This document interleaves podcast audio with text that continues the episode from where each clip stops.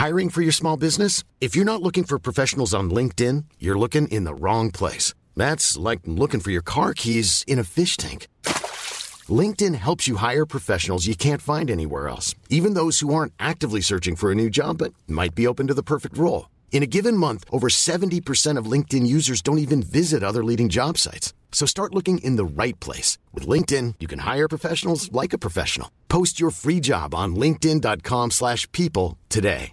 Wow. Nice. Yeah.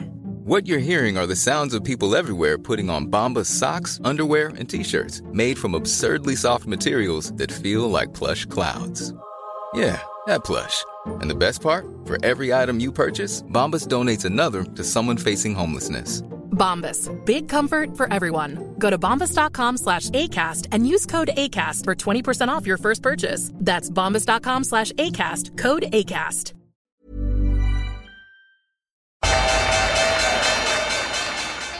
They mistook leverage for genius. Leverage for genius. I would recommend Japan. The governments don't rule the world. Goldman Sachs rules the world. Velkommen til episode 216 av podkasten 'Tid er penger', en podkast med Peter Warren. Jeg er dessverre produsent, og i dag er det som vanlig en dag der Peter har vært på konferanse i, i Roma. Nå er det, Hvor mange år har du vært på hedgefondkonferansen i Roma? Alle seks, er det ikke det?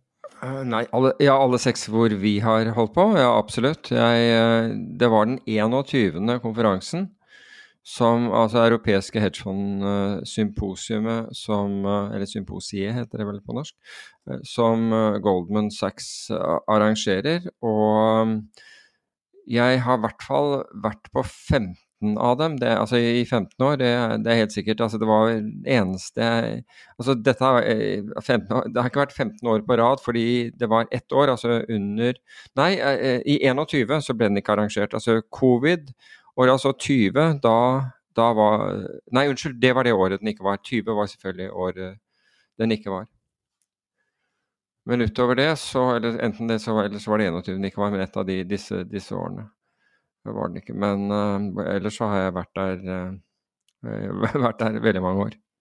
Og den er, det, er, det er ekstremt bra konferanse. og, og du, du, det er jo Hva var det man uh, hvordan var det dette De, de opplyste Det var 750 uh, investorer der, altså 3500 møter. Og det var 1, altså investorene i, i um, forvaltningskapital utgjør 1,5 trillioner dollar. Altså billioner i vår, i vår regning. Så, så det er betydelig. Med oljefondet, da. Ja, så det er, det er, det er, ja, det er betydelig med, med, med, kapital til stede der, og, og, den kommer fra hele verden. Så, og det er Fondene blir nøye Altså de fondene som, som presenterer deg, blir nøye plukket ut. Og, og, så er det Investorene er, er by invitation only, så det, det er ikke noe du kan signe opp eller betale for å uh, for å bli med på, for å si det på den måten. Hvordan er maten på sånn konferanse? Ja, den er bra. Altså det, det, de gjør der, det er at de, de, de ordner slik at du kan få uh, frokost altså på det, dette hotellet. Uh, det heter Rom, uh, Rum Cavalieri. Det er et Hilton-hotell som ligger ovenfor, på høyden ovenfor Vatikanet. Helt fantastisk, fantastisk utsikt derfra. Mulig jeg skal ta, ta sende deg et bilde av det som vi kunne eventuelt brukt. Ja, jeg sitter og ser på det nå. Eh, Betalte du for rommet? Nei, jeg bodde ikke der. Jeg har bodd der eh, tidligere, men nå Men det gjør du, altså. Du, du, du betaler reisen din og det. Men jeg, jeg, hørte at noen hadde betalt over 1000 euro uh, per natt. Det nå koster 8000 kroner per natt. Akkurat, ja. ja. Det er jo klart at det er helt fullt under, under konferansen. Det var for øvrig der uh, der Putin bodde da han var Det var sammenfalt med, med, med konferansen et år, da, hvor han bodde på, på det hotellet. Og, så det er, det, er, det, er et, det, er, det, står respekt av det hotellet. Uh, nei, jeg bodde i nærheten av noe som heter Villa Borghese nede i, nede i byen.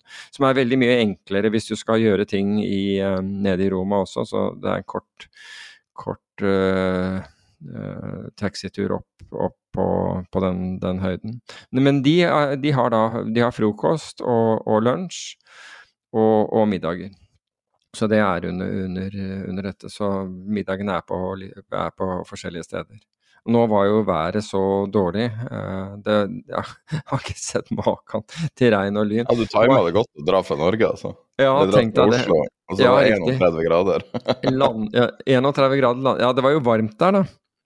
Men, men det var Roma, Jeg har vært i Roma midt på sommeren. Det er tortur, ass. Men det var, ja, det kan være det. Absolutt. Men det var tordenværet fra helvete, altså. Det var um, en som skulle komme fra, fra London, de bare kansellerte flyet fordi, uh, fordi, det var sånn kø av fly som lå, lå og holdt uh, utenfor dette uværet og, ventet på å gå inn og lande, men det var for intenst med, med, med lyn, så de, så de, begynte å kansellere fly. Så han kom 24 timer senere. og så det var, det var, friske tilstander sånn. Det var, det var virkelig været. Altså, det var ikke noe sånn derre Jeg tar med en paraply og, paraply og går ut. Det kunne du glemme. Det ville ikke blitt noe igjen av paraplyen din, rett og slett. Det var, det var som noen hadde bare åpnet et fossefall. Så det er gang Det er faktisk første gang jeg tror jeg er der hvor, hvor det er et hvor det er uvær. Men deretter så De siste dagene var det, var det greit, greit vær. Så kan, kan ikke klage.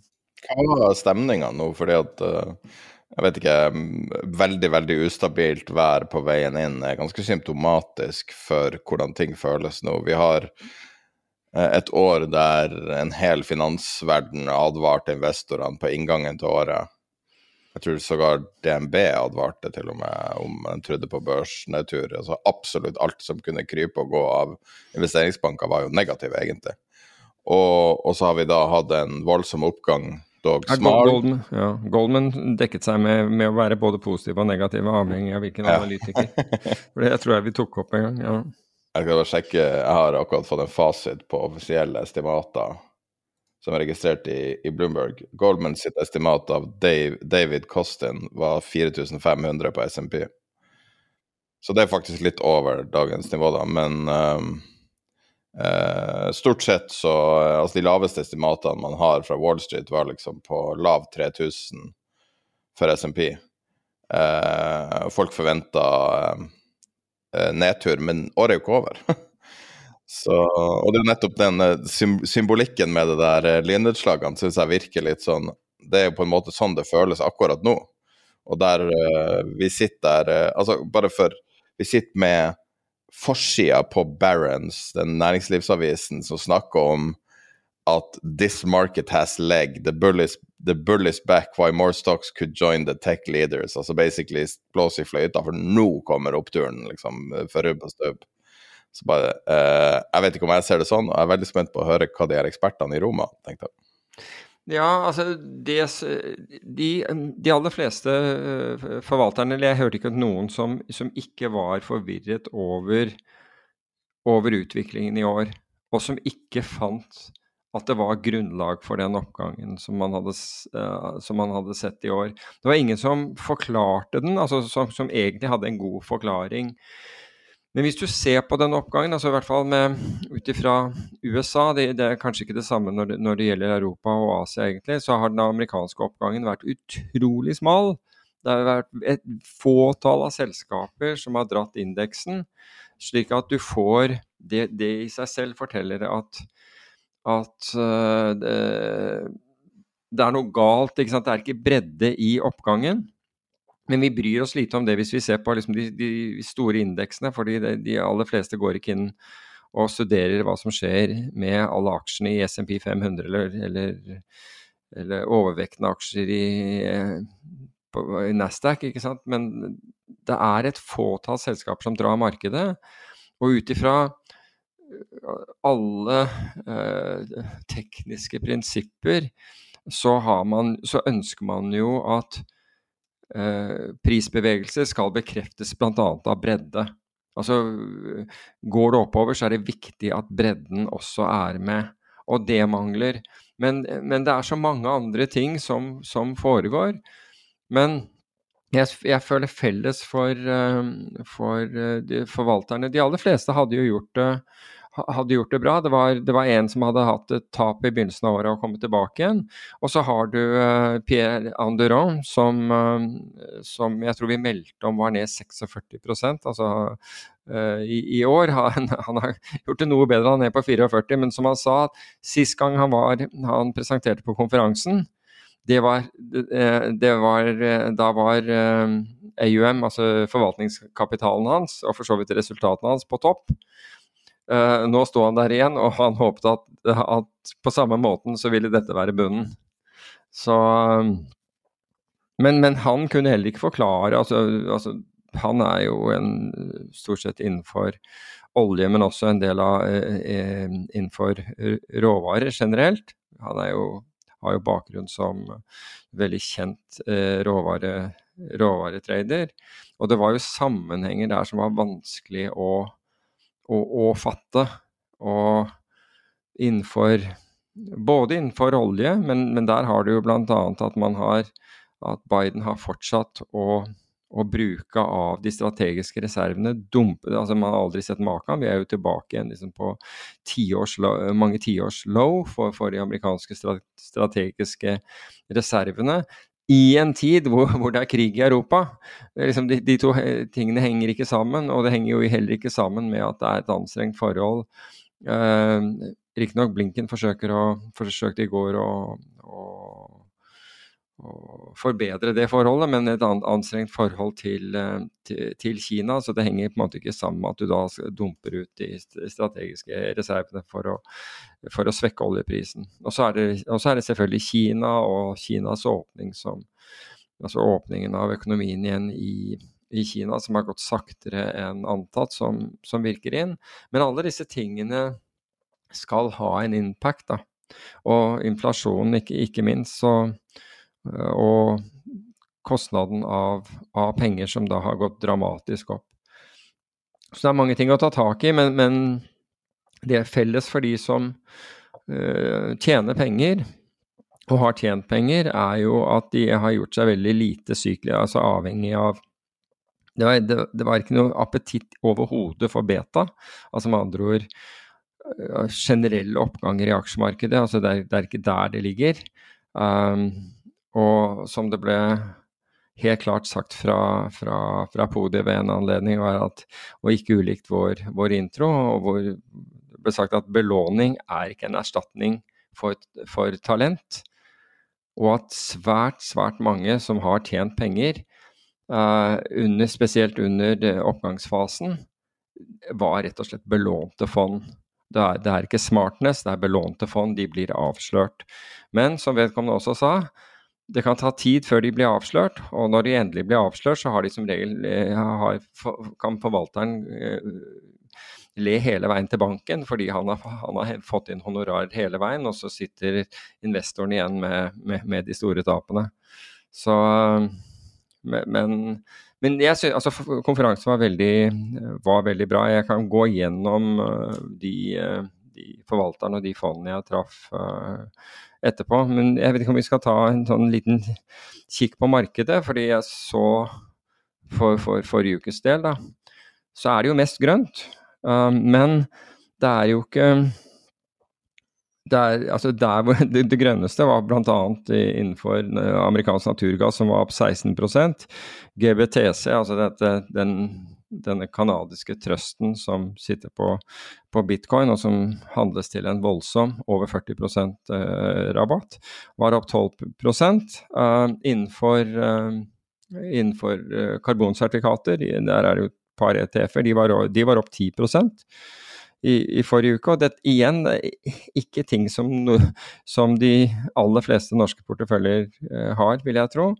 Um, og så har du um, europeisk gass, eller hollandsk om, om, du vil, TTF, som var opp uh, 7% og det var jo bevegelse både altså Nasdaq var opp fire, MSCI World var opp, var opp tre, Oslo Børs var vel opp litt over, over én. Men hvis du ser på året, da, så er jo Nasdaq er opp 38 uh, MSCI World er opp 14% Oslo Børs er opp 5 Og det, Oslo Børs har endelig gjort det bedre, bedre enn amerikanske statsobligasjoner for øvrig. De er 20-årene opp, opp 3 Lenge lå, lå statsobligasjoner foran, foran, Oslo Børs. Ser vi på denne uh, eh, ETF-en som vi følger, det er sikkert flere som, som har eh, AI og, og, data, så var den opp 4 i forrige uke. Den er opp nå 37% på året. Og blockchain, ATF-en var opp 3 da opp 35 eh, på året. Men litt spennende i dette, og mye omtalt, så jeg, var dette opsjonsvolumet som var på, på, en rekord nå på Jeg mener at det var på enten var det torsdag eller fredag hvor vi satt ny rekord, og spesielt Og det vesentlige var, var kjøpsopsjoner. Og jeg må jo si at jeg ble skuffet da et av, et av makrofondene uh, sa at uh, Det kan hende at de er rett, men, men hevdet jo liksom at viksen var da, var da nede på, på, på 14. Så, og det var, jo, det var, jo, så billig, det var bare, bare, å kjøpe.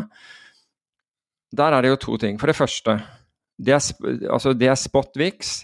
Uh, som du ikke får kjøpt. Hvis du skal da kjøpe viksen i øyeblikket, så vil du antageligvis kjøpe da juli-futuren den er på 16,5.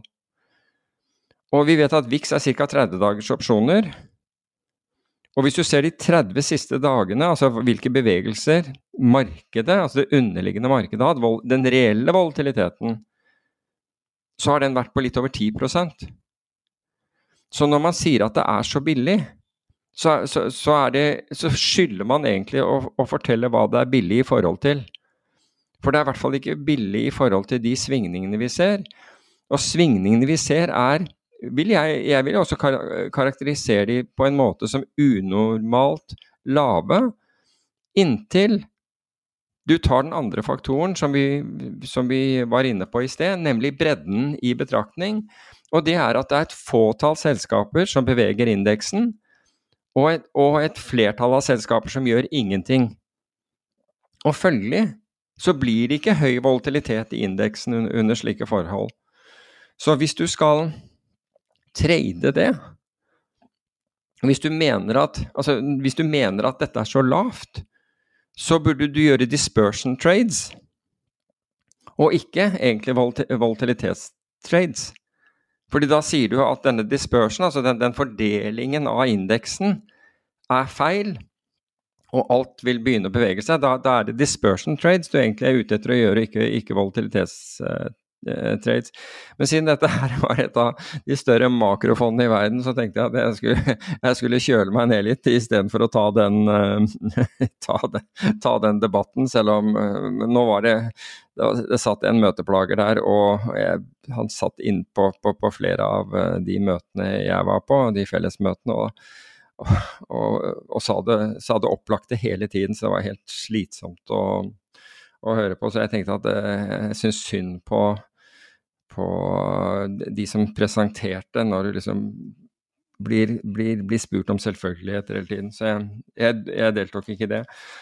Ellers, i forrige uke så må vi jo si at uh, norske krone har Nå har det halvert nedgangen mot dollar hittil i år. Altså Det har skjedd i løpet av litt over to uker. Så har kronen styrket seg 7% mot dollar. Og Det kommer jo selvfølgelig akkurat når alle gir opp dollar, fordi vi påpekte jo blant annet, jeg tror jeg brukte det der, og det var pga. banker. Nå skulle det svekke seg, det, det, var ikke måte på hvor, mye, hvor svak kronen skulle gå. Og jeg sa hvor var de da dollar eh, mot norske kroner lå på 8,30? Altså, da var det aldri noe snakk om. Og først når, etter at dollaren har steget, slash kronen har sunket, fra 8,30 og opp til over 11, så kommer man på banen og sier at å, nå skal det videre ned. Uh, og da er det jo helt typisk. altså Det er, det er den der gamle når, uh, når den uh, siste bull blir ber, eller omvendt, altså så, så, så, snur det. Nå vet jeg ikke om det har snudd, bare så det er sagt. He, hele, hele det, altså det som har skjedd med, med, med, med norske kroner, uh, snakket vi om. Og vi snakket også om at da det var på denne podkasten, enten forrige episode eller episoden før, da vi fikk disse inflasjonstallene, altså de 6,7% inflasjonstallene, at de var så dramatisk dårlige at markedet nå vil tro at man er nødt til å reagere. At, at, at Norge er nødt til å reagere. Norges Bank har putta seg sjøl i en vanvittig vanskelig situasjon. Ja, det er ikke bare Norges Bank. Å, jo, men i stedet for å ligge forut og, ja. og, og, ta styringa, ta kontrollen Jeg tenker da f.eks. Mario Draghi, den beste kanskje sentralbankhandlinga som noensinne er gjort med 'Whatever It Takes'-talen. Hvis du ikke har hørt ja. den talen, gå på YouTube og skriv mm. 'Whatever It Takes', så finner du den. Du vet hvor han jobbet før han ble ja da, jeg vet hva han jobber, Kolmen. Men uh, uh, mens Norges Bank nå er putta i en situasjon av markedet der man har uh, favorisert eiendomsmarkedet tilsynelatende over alt annet og holdt eh, renta relativt lav i forhold til alle land vi sammenligner oss med. Og, eh, så har vi havna i en situasjon der de nå sannsynligvis må heve en eller to ganger for å mm. møte markedsreaksjonen. Sånn at du plutselig ikke har den kontrollen du kanskje ønsker å ha. Så jeg, jeg syns det svekker deres posisjon fra et handlingsrom. Ja, hvis jeg kan bare kommentere på, på akkurat uh, det, så vil jeg jo si at Norges Bank var mer, mer moderate un, under fallet enn Altså under, mens inflasjonen falt, og, og viste mer måtehold på vei ned. Um, slik at jeg vil ikke dømme dem uh, på, på, det at de reagerer noe senere på vei opp, kan jeg til en viss grad forstå uh, ut ifra det. Men det er, det er, Og så tror jeg ikke at Norges Bank har boligmarkedet uh, i tankene, egentlig. For, for, for, sine handlinger. Altså det, er, det er jo klart at Finansiell stabilitet ligger jo, er de nok opptatt av, men jeg tror ikke at det er der det ligger, altså, for, for, å, være helt, for å være helt ærlig. Um, det er nok mer at man at det er, det kan være, at det er en for lang vente-og-se-holdning. Men så skal vi samtidig ta inn over oss at sentralbanker, og nå snakker jeg ikke om Norges Bank spesielt på noen som helst måte, men sentralbanker generelt er notorisk dårlige til å forutsi fremtiden. Og de er så dårlige at jeg tror det var Bank of England som arrangerte det, altså det, Hva var det for noe? The Festival of Altså rett og slett en serie med med, med, med, foredrag og presentasjoner som nettopp gikk på failurene sentralbankene og, og de utelot ikke, utelot ikke seg selv på noen som helst måte, har gjort med hensyn til å forutsi eh, fremtiden. Så jeg tror ikke det at vi, at vi skal forvente, for den, forvente at sentralbanker ser bare, ser bare på, på Federal Reserve til de grader. Det må jo være en av de største failurene som har vært gjort på dette området. Og det viser at de er ikke gode på dette. Og så blir jo og, og, da er de heller ikke nødvendigvis gode på tiltak. For, de, altså for det første setter de i gang tiltakene for sent. Og så ligger det vel da i sakens natur at tiltakene varer lenger enn de burde. Det betyr ikke at jeg, at jeg på noen som helst måte mener at Norges Bank ikke, ikke bør, bør, heve renten nå. Det, det, er ikke, det, er ikke, mitt syn, bare, bare så det er sagt. Og, og nå var det en, en, av våre lyttere som sendte meg en link i dag morges, og det tror jeg var Jeg mener at det var fra Bilnytt, hvor, hvor, hvor nyheten var at eh, Lamborghini skulle opprette en forhandler i Norge. hvis, hvis, ikke det er enda en brannfakkel til, eh, til, sentralbanken, så vet ikke jeg. Til Norges Bank, med andre ord. Er ikke det en sånn historisk greie? For i gamle dager var det jo den Ferrari-forhandleren i Bærum.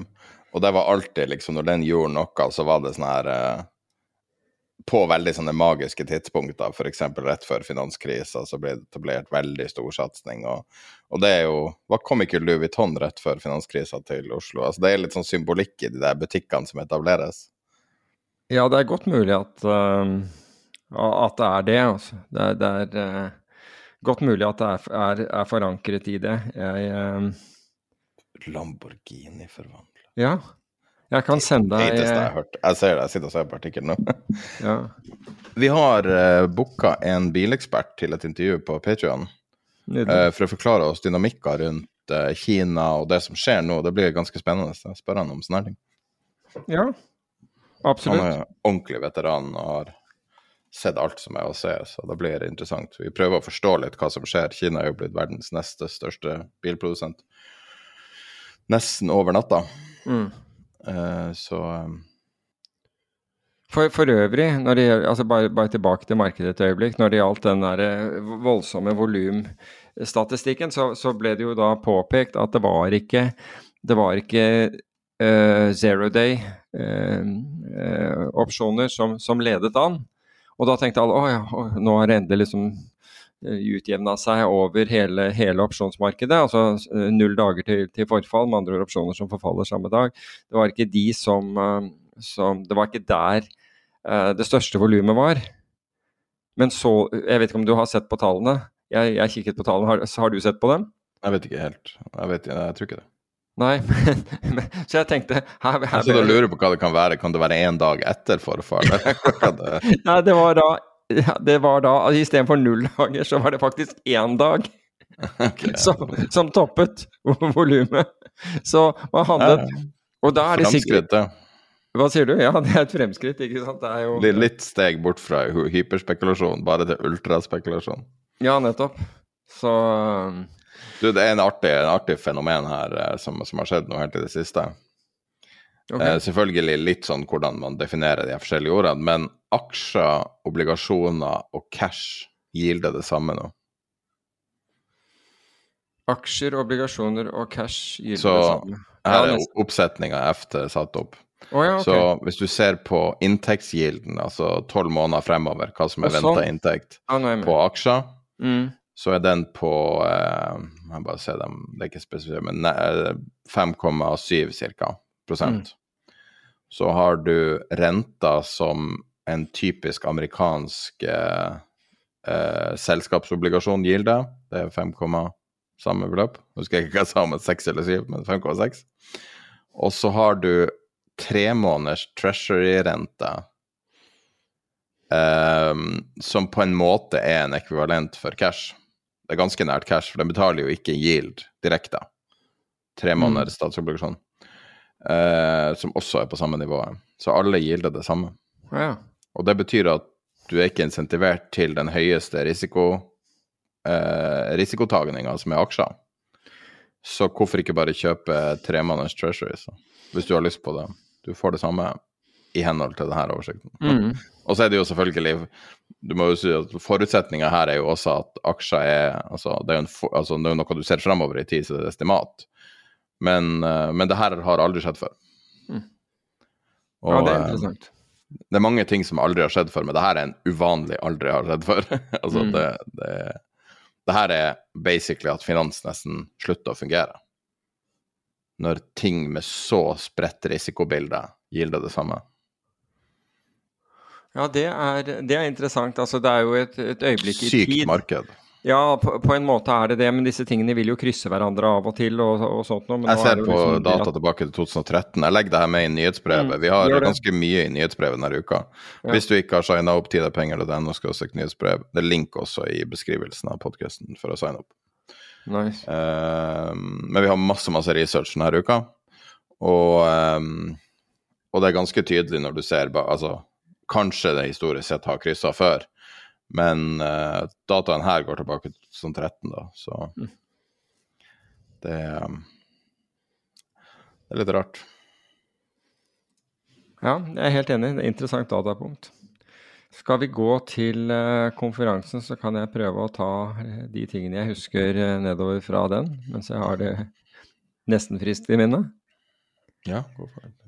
Det første som, eh, den første ut var tidligere eh, britiske etterretningssjefen sir Alex Younger. Eh, han er da nå, etter å ha sluttet i MI6, han var da sjef for MI6 Military Intelligence 6, altså som er da MI5 er jo, er jo eh, eh, intern, eh, interne sikkerhetstjenesten i England, tilsvarende PST i Norge.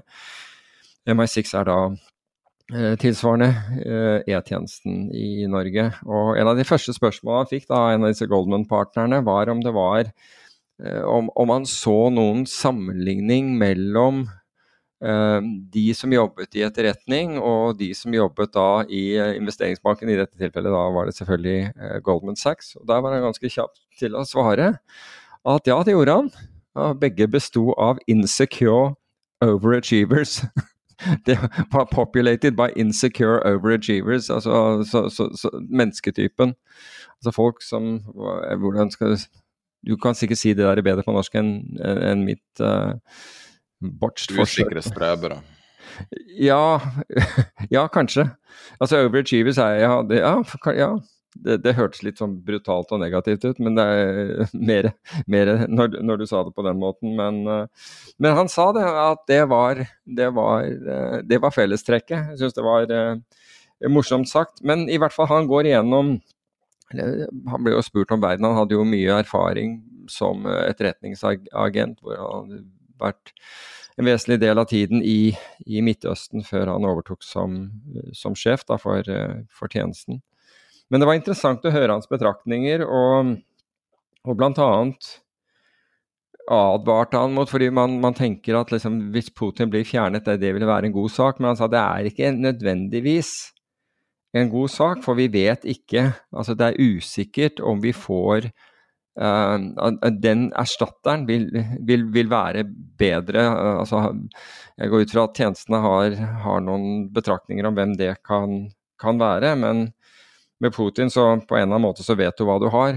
Det er kanskje litt det, at, men det er ikke gitt at, um, at uh, det vil bli bedre. Og en annen ting han sa som jeg syns var, var, interessant, er at uh, the past, altså fortiden, er notoriously um, uh, dårlig Notorisk dårlig til å forutsi fremtiden.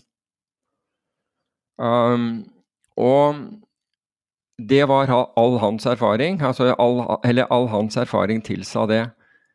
Og når jeg tenker på finans, så er det, jo, er det jo akkurat det motsatte man gjør i finans. Der bruker man hele tiden fortiden til å, til å forutsi fremtiden. Alle.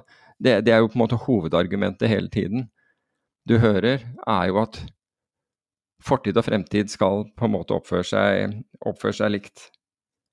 En av disse her har sannsynligvis, har sannsynligvis, rett, og når du ser at man er veldig dårlig til å forutsi ting i, i finans, så tror jeg at han har um, at, han har noe for, at det har noe for seg. Det, så jeg, um, Vi fikk anledning til å, å stille, uh, stille, spørsmål også, og, og mitt spørsmål var, til han var egentlig hva, altså hva han trodde hva, Rett og slett om han trodde at, at eh, Nato-samarbeidet ville overleve hvis Trump kommer tilbake til makten.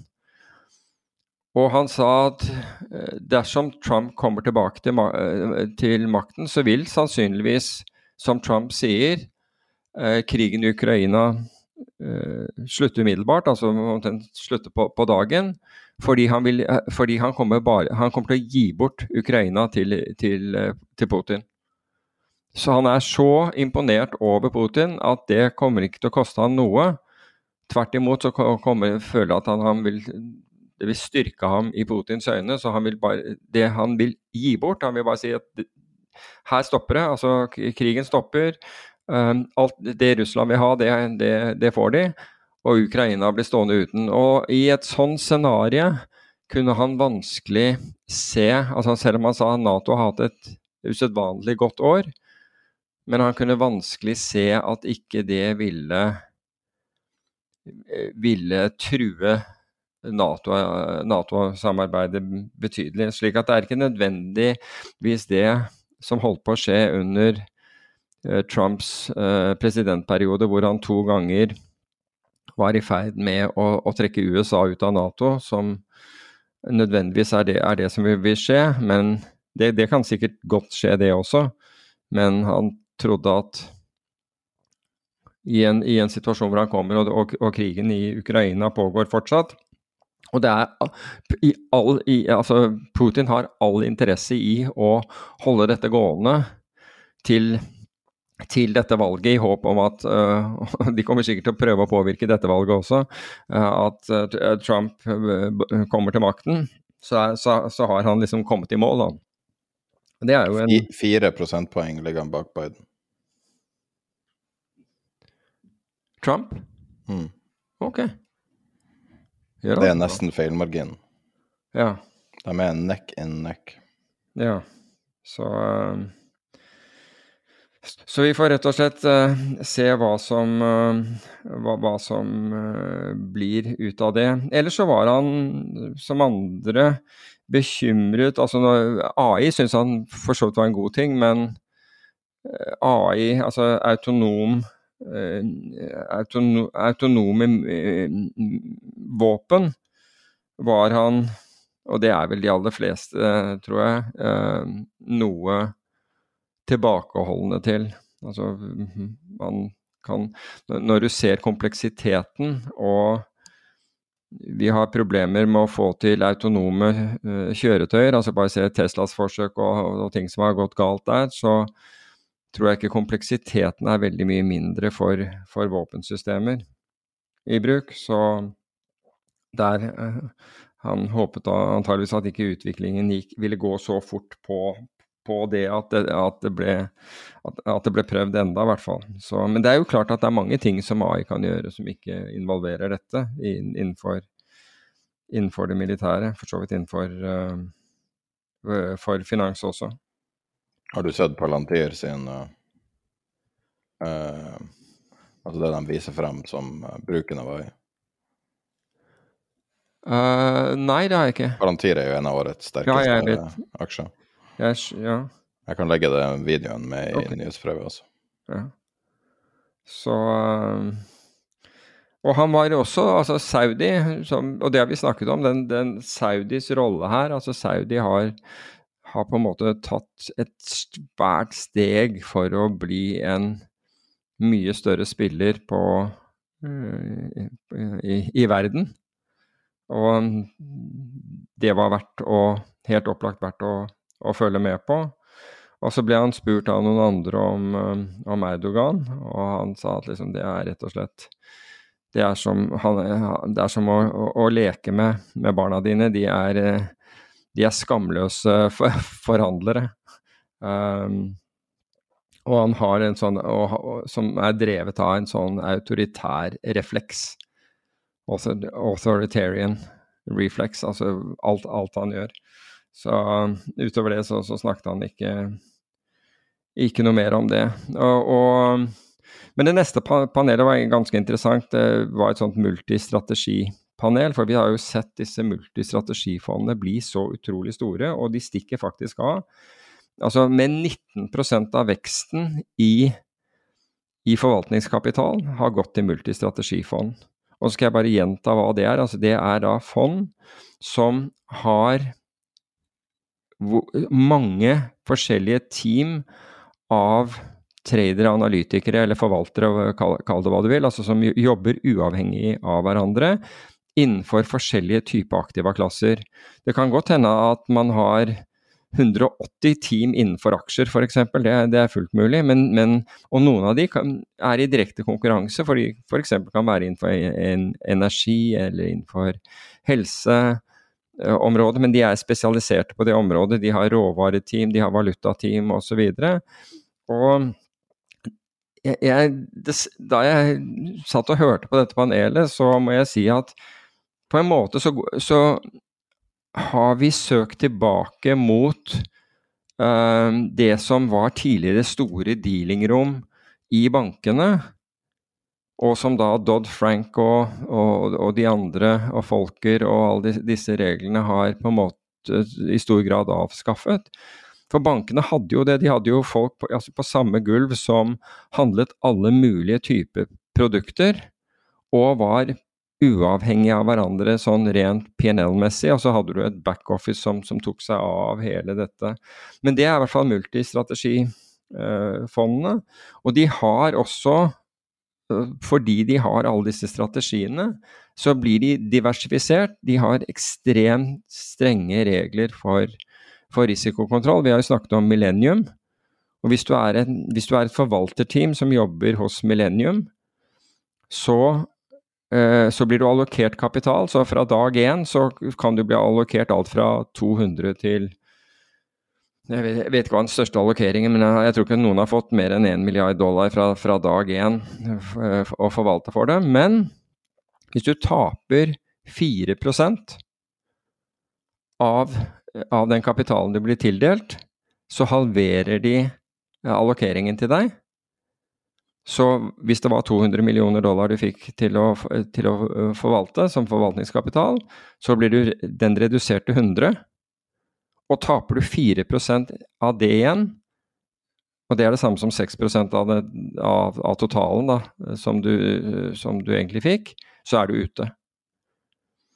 Og det tror jeg ikke ville passe altså Hvis du tenker deg long-forvaltere som kan ha omtrent den type svingninger ukentlig i, i porteføljene sine, så, så, vil jo ikke det gå. En, aksje, en vanlig aksjefondforvalter vil aldri klare å håndtere um, så snevre risikorammer. Det, det, det er altfor for, for snevert, men det er det som kreves der. Og disse fondene leverer jo tross alt tosifret årlig avkastning med mye lavere volatilitet enn f.eks.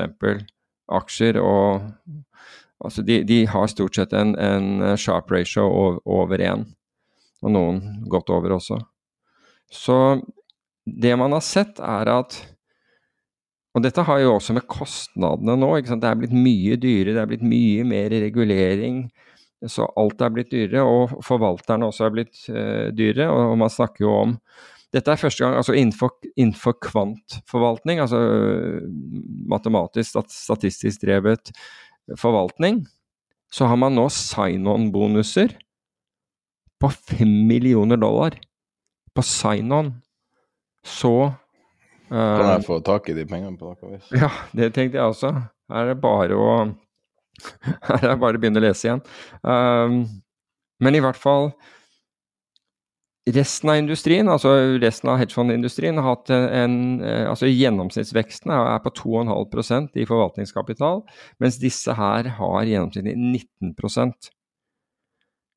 Så de gjør definitivt noe som andre ikke gjør, men det man har begynt å irritere seg over, det er eh, noe man kaller pass-throughs. Og pass-through vil si at vi vet jo at forvalt, hva forvaltningshonoraret er. La oss si at forvaltningshonoraret til, til, et sånt fond, bare for å ta et tall, det er 2% og så tar de 20 av, av uh, avkastningen, den, den, positive avkastningen. Og så har de high watermark og alle disse tingene, slik at de ikke blir betalt to ganger for, for, for, samme, for samme avkastning. Men i tillegg så har de det som kalles pass-through, rett og slett pga.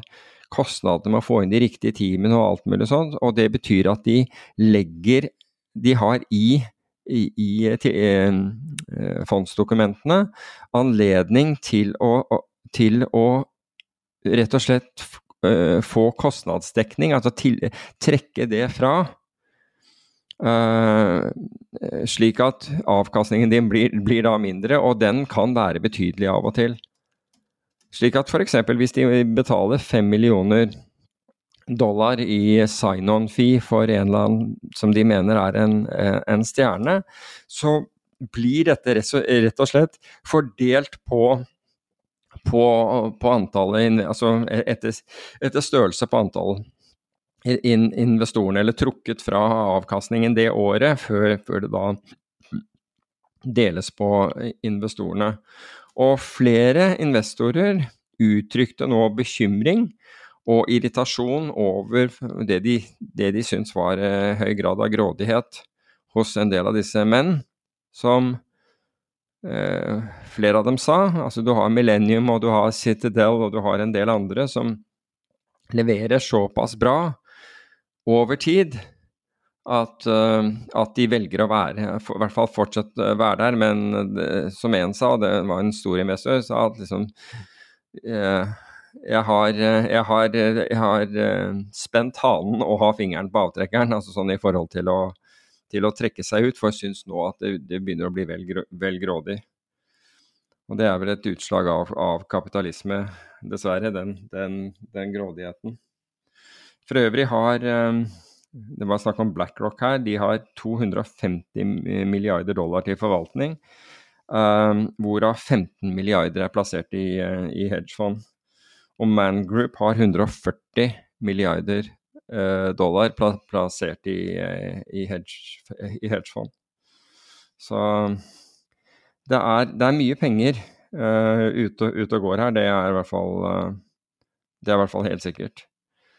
Når jeg så på de ulike fondene, altså jeg hadde møte med de uten... Marshall Ways var, var et av dem. Og det, det, er en interessant sak med Mar Marshall Ways, fordi jeg tror det var i 2014 så hadde de hatt noen år hvor det, hvor det gikk dårlig, og de hadde hatt mye innløsninger. Og kapitalen da hadde, hadde eh, da sunket. Da kom KKR inn, altså eh, private equity-selskapet eh, KKR og kjøpte 25% eller rett i underkant av 25 av, uh, av selskapet. Og gjorde en turnaround på det selskapet som har vært helt, helt ufattelig bra. Så uh, jeg tror de har noe sånt som 60 milliarder dollar til, til, forvaltning nå. Og det har vært en entydig suksess hvor, hvor KKR nå har kjøpt seg opp til 40 av, uh, av selskapet. Og det, Dette er et global makrofond som i tillegg handler volatilitet. Har desker for, for, å handle volatilitet, og desker hvor de handler eh, råvarer.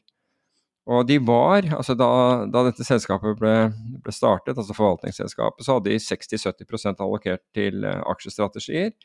Men de mener nå at uh, ved, ved, ved, slutten av dette året her, så vil det, vil det være mindre enn en 50% Fordi det skaper så mye Eh, så mye verdier i andre områder, bl.a. Innenfor, uh, innenfor råvare og, og, for så vidt volatilitet. Og, og, der har de De har totalt 100 og jeg syns han sa 113 team. Og hvert team har 67 mennesker, akkurat som vi, vi snakket om dette med multistrategi. Det var sånn de var, uh, de var satt opp. Og 65% var systema, rent systematisk. Slik at det var algoritmer som drev, ikke high frequency, men, men at man var data, drev, rent datadrevet, og 35% var, var fundamentalt. Så det er ganske interessant, og de ble sammenlignet i Financial Times i forrige uke med, med Lansdowne Partners, som også er et veldig kjent eh, britisk eh, hedgefondgruppe, og folk som jeg har, har truffet tidligere, og de omtrent startet likt. Men den forskjellen er at her har man hele tiden utviklet seg, altså i Marshall Ways, mens Lansdown har holdt den samme strategien, og det var sånn long short-aksjer. Uh, og takket være KKR og det at man gikk inn og, og, rett og slett så på virksomheten, så hvordan man kunne uh, vokse den, så har det vært en vanvittig forskjell siden KK, KKR kom inn. Altså Fra 2014 så har Marshall Ways sust ifra. Så her det er et eksempel i hvert fall hvor, eh, hvor, eh, hvor eh, oppkjøpsselskaper virkelig tilfører verdi. En annen ting som var litt spennende å se, det er vår, vår gode venn Cliff Asnes, da AQR. De presenterte et, et, fond som heter Alternative Trend Strategies, og det er jo da et systematisk, altså et uh, fond altså såkalt, altså i utgangspunktet trendfølgende fond. Det er jo ikke trendfølgende fordi man sier alternative trend strategies, men det vi har sett er jo at trendfølgende fond gjorde det kjempebra under 2022, under 2008 og mindre bra i andre perioder og, har slitt i år. Men ikke deres. De har, de har tjent penger. altså De har da tydeligvis en annen modell. De har tatt med markeder som tysk, øh, tysk kraftmarked osv. Uh, og, og tjene penger. Så for de som, divers, altså, som søker diversifisering innenfor, innenfor, såkalte trendstrategier, så må jo de være et, uh, de være et, uh, et funn, tenker jeg. Skal vi se på hva andre er. Jo, Clean Energy Transition, det er, det er en svenske som heter Per Lekanger. Han har 2,6 milliarder dollar til forvaltning, er da et long short-fond, innenfor inn, Rett og slett innenfor ren energi. Og er alltid fascinerende å høre på, har utrolig god peiling på, på, på markedet. Og er veldig tydelig på hva, han, på hva han, liker og ikke liker. Og han, han, sa når det gjelder ren energi, så har, har det vært liksom tre, tre faser i verden. Altså Europa ledet an i 2001 til 2011-2012. Så kom Asia og Kina inn. Og det, altså det man ser er eh, asiatiske, kinesiske selskaper som da har, har tatt dette, dette, på alvor og, og, klart å gjøre ordentlig business. Og han mener at nå, det neste som skjer, er, er USA, for USA er, er, på en måte den siste. Og det, det, bekreftes jo veldig av at Ford F hva den heter, F150 eller noe sånt, som er en sånn monster pickup truck, er den mest solgte bilen i USA. Det er ikke, det er ikke ja, det har alltid vært. Akkurat. Det er ikke mye ren energi i um... De har fått en elbil av den. Har de det? Ok. Ja, det var jo bra. Um, ellers så var det var Two, two, Sigma der. Det er jo ekstremt kvantfond. Kvant, uh, 60 milliarder uh, dollar til forvaltning. De har 7200 servere.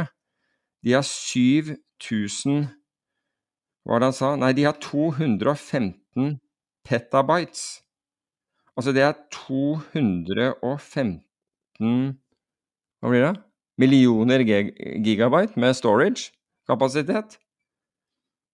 Ja, det tror jeg det blir. Uh, nei, hvis ikke så får vi regne om det der og gjøre en editering. Hva vil du ha, petabyte mot gigabyte? er det?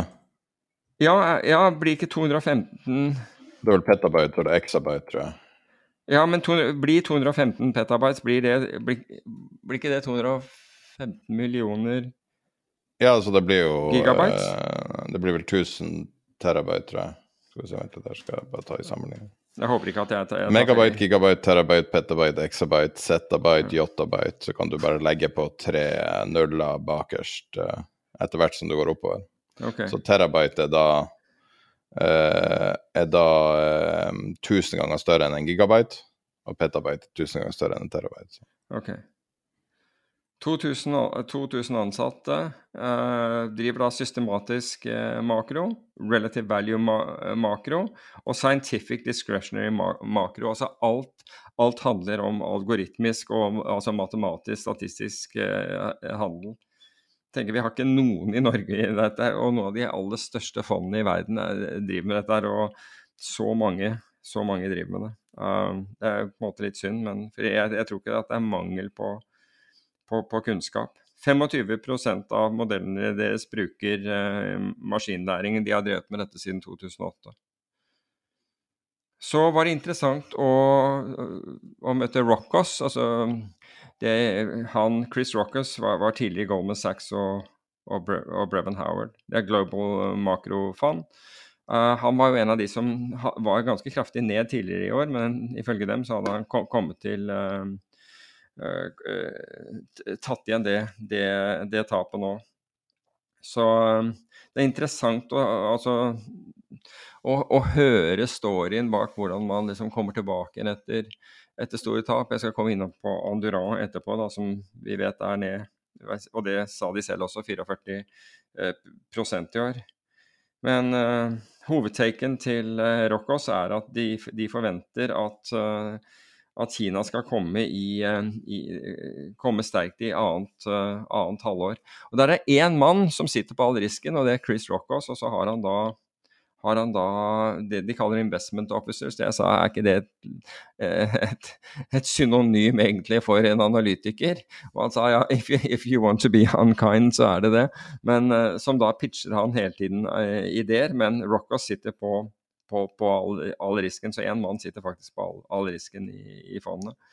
Um, de har 20 inhouse makroøkonomer som da har spesial... Altså som har Hver har et geografisk spesialfelt. Og de brukes blant annet Altså, de brukes bl.a. av sentralbanker og, og finansdepartementer rundt omkring, som da av og til henvender seg til, til, til dette fondet for, for, å høre deres, uh, deres, syn. Så litt av en greie, uh, egentlig. Skal vi se. Anduran, som jeg da har Det var også på, på dag én hvor jeg har møte Altså Pierre Anduran, han har da en solid råvarebakgrunn, jobbet for commodity-husene. Jeg lurer på om han om også var hos Goldman eh, til å begynne med, men han har i hvert fall vært hos de store commodity-traderne. Drevet eh, flere hedgefond.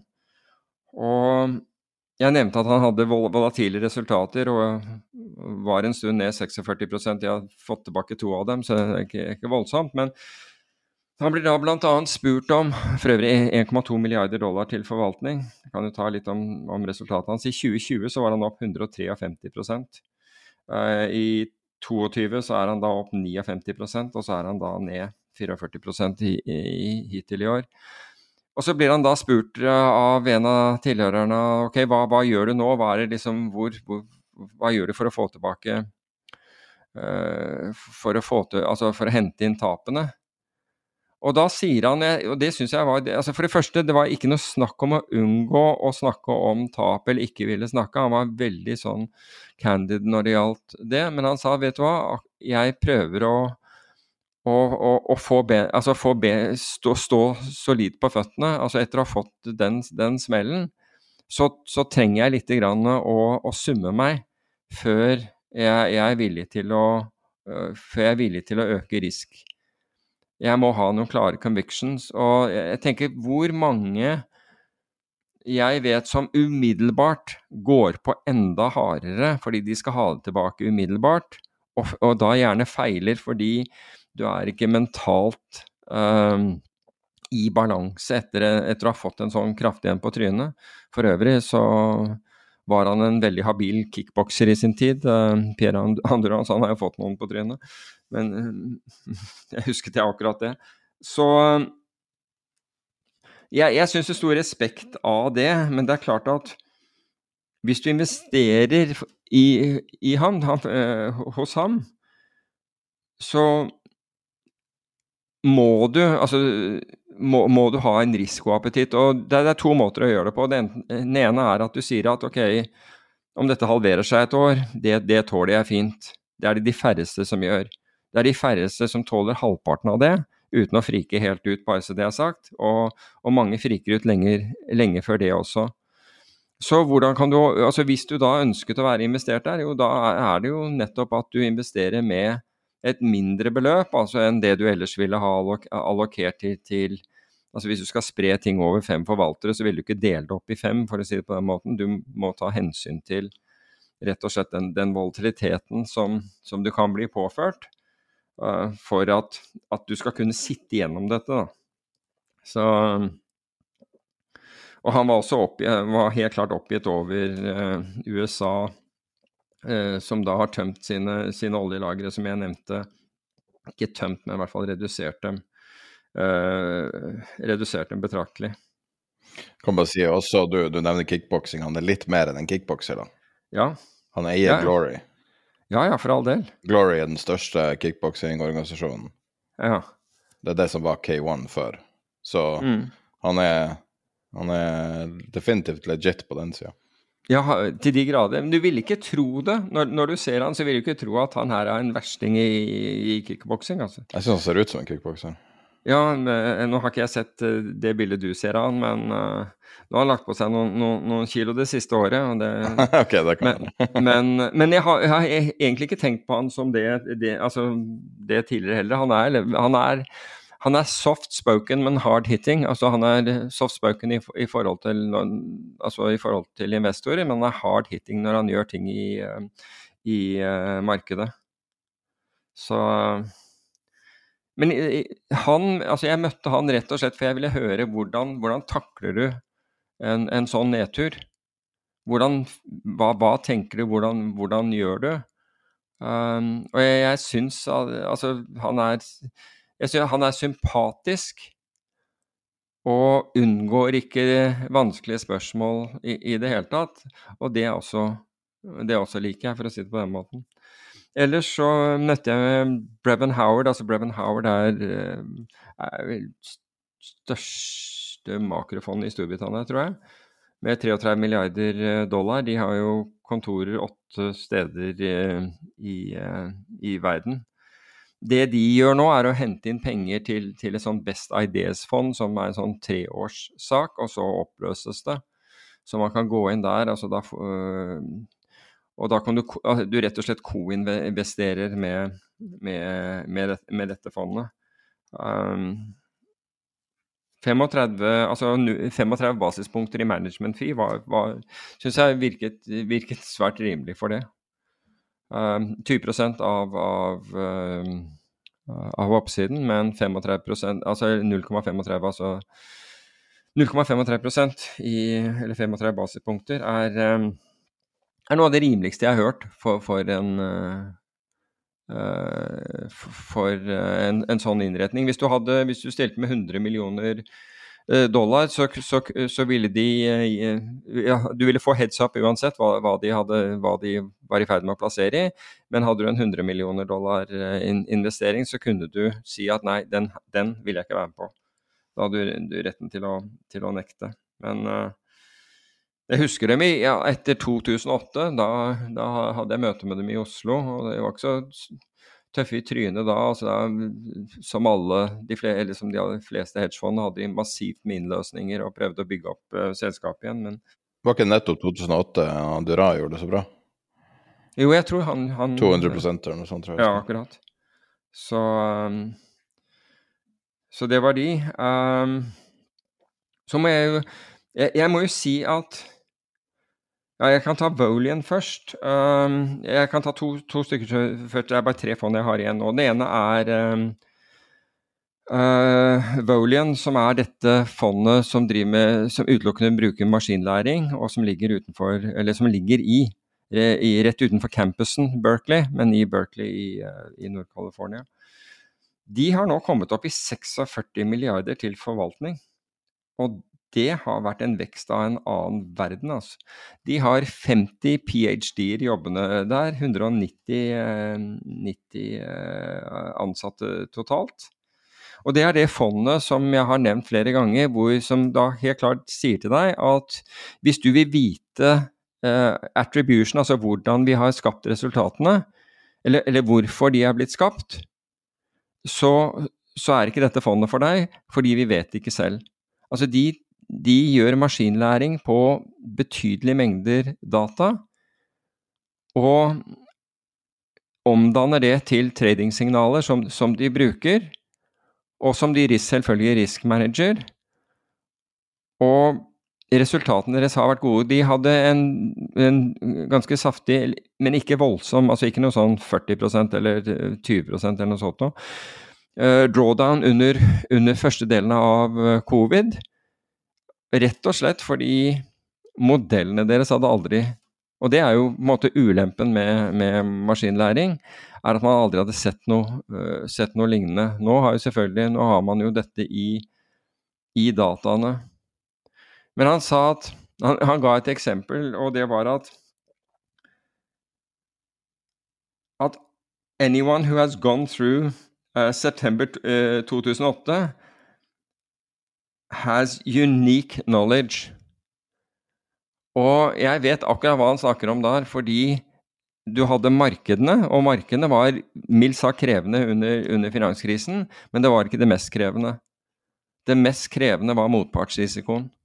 Det som virkelig holdt oss oppe om natten, det var mot, motpartsrisikoen. Og vi hadde, som jeg har fortalt på podkasten tidligere, en betydelig motpartsrisiko mot Morgan Stanley, og Morgan Stanley på det tidspunktet, det er utrolig uh, sett, med, sett, i forhold til hvor de er i dag, de var, de var, predicted som den neste som ville falle. Altså Hvis det falt en etter, Lehman, etter Limen, så ville det være Morgan Stanley. Og vi var svært bekymret for at, at uh, det kunne skje. Og veldig mye av tiden vår gikk til å forsøke å konstruere posisjoner rundt det at hvis Morgan Stanley gikk ned, så, så vil vi på en eller annen måte klare å, og hente inn, det, hente inn et sånt tap med, med, med andre investeringer.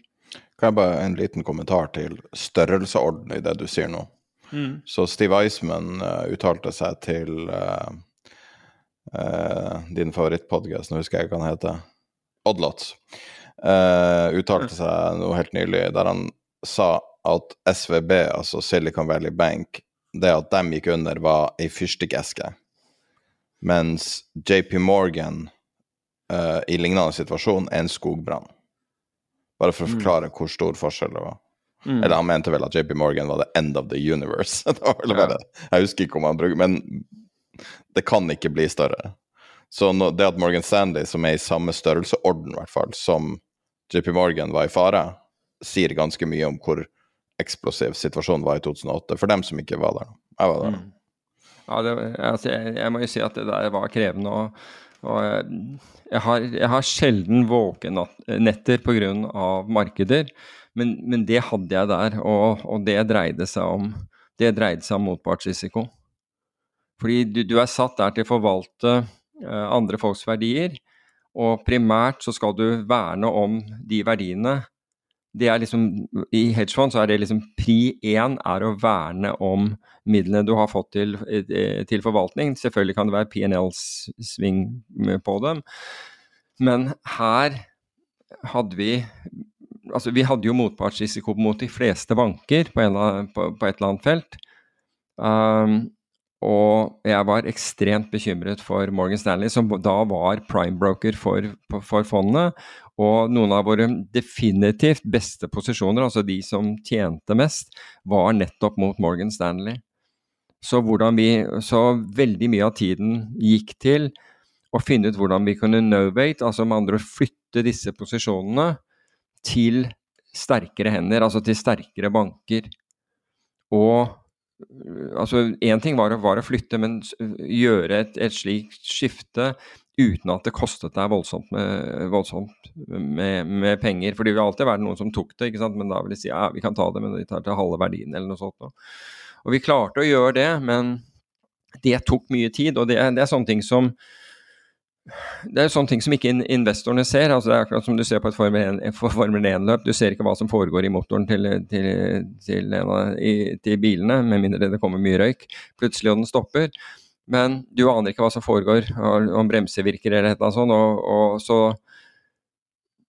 altså da, da støv hadde lag... Vi, vi, gjorde jo disse tingene. Vi gjorde jo flytting. Vi, vi gikk jo også ut av posisjoner som vi egentlig ikke ønsket å gå ut av som vi mente hadde et voldsomt, eller videre potensial. Men nedsiden var at, at hvis det hadde skjedd, at, at, Morgan gikk over ende og plutselig du ville sitte igjen med null. Så det, det var ekstremt vanskelig. Og oppi dette her så har du da alle de, de voldsomme svingningene som var i, i, markedet. Så jeg er veldig enig. Han heter Michael Uh, Karitonov, som er, uh, som er, da sjefen i, i Volian, så jeg er veldig enig i det han sier, at du har, har du vært gjennom 2008, så har du unik knowledge. Og de nuller ut alle former for risiko, altså de balanserer alle former for risiko. Alle faktorelementer, eh, altså være seg momentum eller eh, growth value, alt, alt det der nuller de. Så det er ren pure alfa du får ut av, um, ut av uh, resultatene deres. Så det, det, siste de har gjort nå, er å starte et systematisk kredittfond.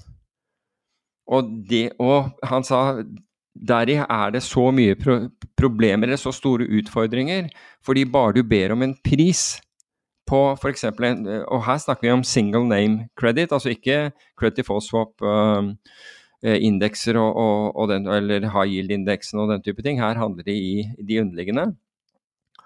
Og han sa bare du ber om en pris, så flytter du pris. Så alle disse faktorene må tas inn i betraktning når du skal, når du skal da skrive, et, altså skrive en algoritme som da, øh, som da kan tjene penger systematisk i, øh, i kredittmarkedet. Og de hadde nå begynt i Europa, og, òg med gode resultater. Og jeg, jeg, tenker altså både spredder og, og nettopp det derre at, at de, man gjetter veien og du, du kan si at det, at du kan gå til en, til, til en megler og si, eh, eller spørre han om, eh, om han har en kjøper i disse, obliga, disse obligasjonene, så kommer megleren tilbake. Ja, jeg har, jeg har, en kjøper, han er god for fem minutter nå. Vi byr dette her, ikke sant? Og så kan du selge til han, så sier det greit, du, får, du får, de fem millioner dollarene sant, i obligasjoner, og så får du beskjed fra andre siden han har trukket seg. Ikke, sant? og ikke bare har han da trukket seg, men han har fått informasjon om, at, liksom, om størrelse og, og, hvor keen du er til å selge osv. Så, videre. så det er ikke lette markeder å, å operere i. Men all ære til, til, de for å ha satt sammen noe, noe slikt noe. Så det er, det er, det siste. For øvrig så jobbet han, øh, han øh, Michael, han jobbet i, øh, tidligere i D. Shaw. Og vet du hvem sjefen hans var? D. Shaw, da er det Uh, den gamle Goldman-sjefen, nei? Nei. Jeff Bezos var sjefen hans. Ja, det var det jeg visste om. Så, uh, så gans, ganske interessant. Så uh, til Boas Weinstein, og han, han Jeg så du bildet av Boas foran ja. Jeg har vært og funnet et familiebilde av Boas Weinstein. Jeg syns det er artig å se, for han er jo en utrolig imponerende person i finans. Men sånn visuelt er han ikke en imponerende Nei, men han er, han Jeg syns bare kontrasten, og så tenkte jeg You wouldn't think this was the master of the universe now, would you? det var det jeg sa til meg sjøl. Ja, men det er, det er helt riktig. Jeg, jeg, ser, jeg, ser, også det der, men han er utrolig sjarmerende. Og utrolig smart. Og klubber ikke ned eh, altså dumme spørsmål. Altså, han er, han, han ydmyk Eh, tar deg personlig imot. Uh, så han er jo en trivelig fyr. Jeg har jo truffet han uh, etter hvert nå mange ganger.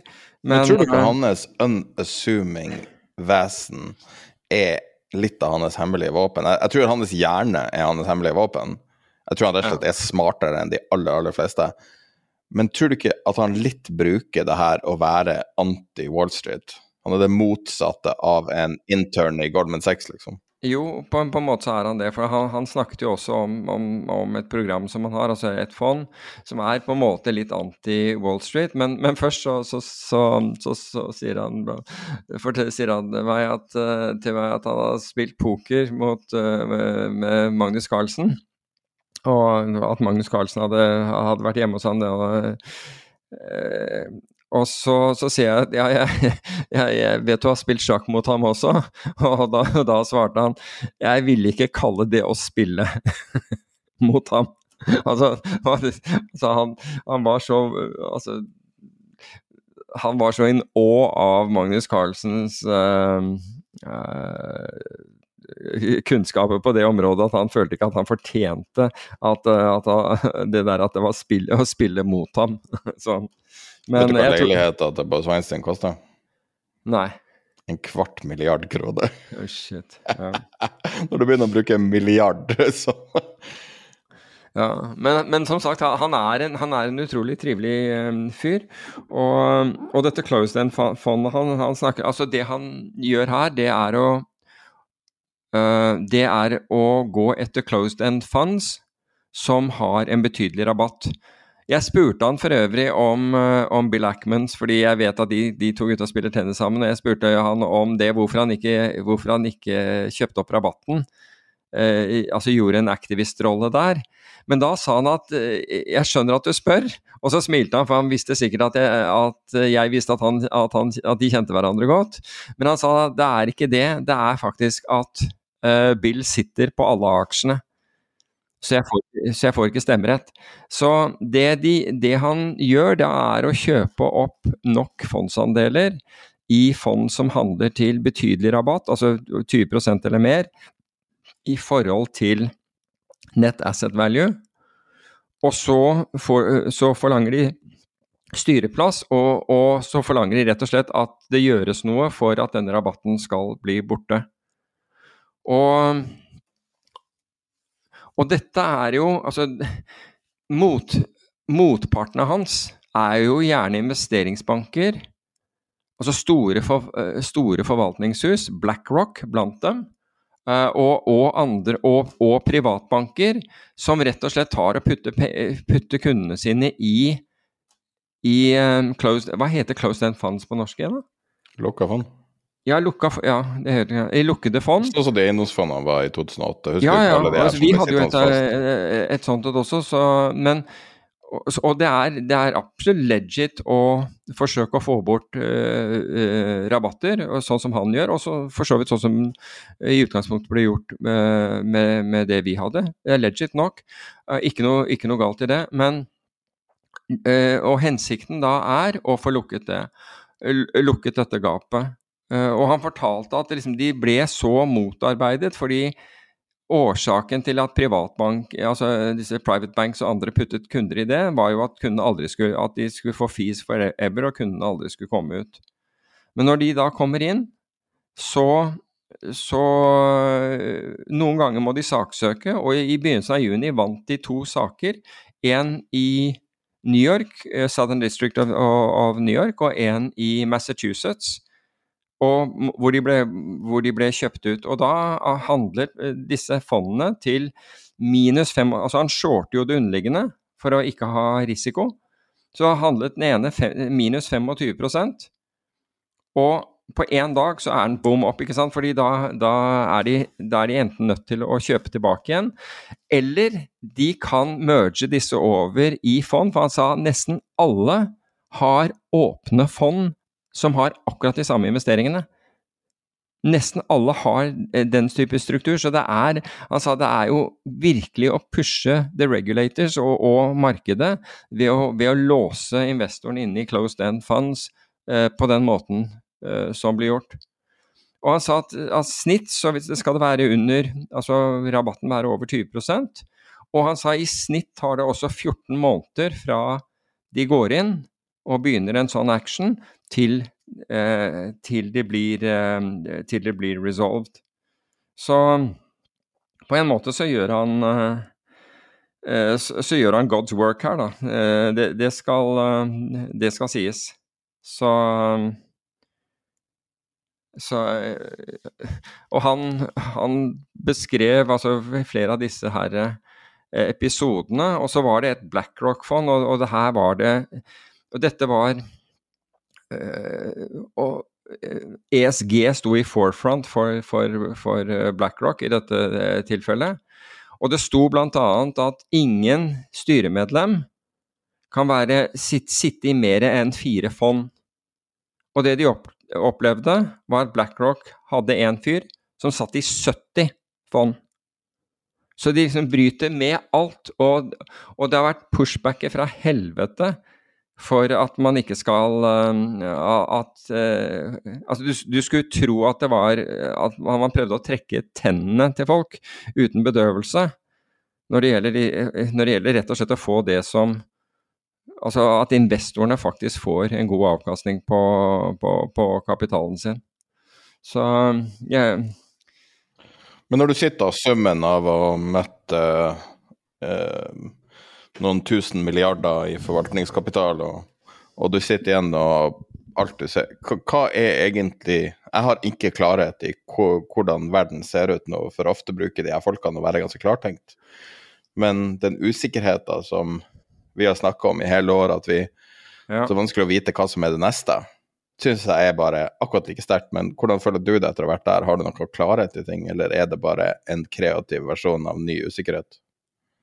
Nei, det er den samme versjonen egentlig av usikkerheten som vi formidlet på, eh, på den live, live ja. rett og slett at, at det, er, det, er, altså, det er, bedre å, å, søke på relative value plays, altså ting fremfor noe annet. ikke sant? Altså se hvor ting som er overprist i forhold til ting som er underpriset, og nisjetype, uh, nisjetype strategier fremfor å gå all in i en retning.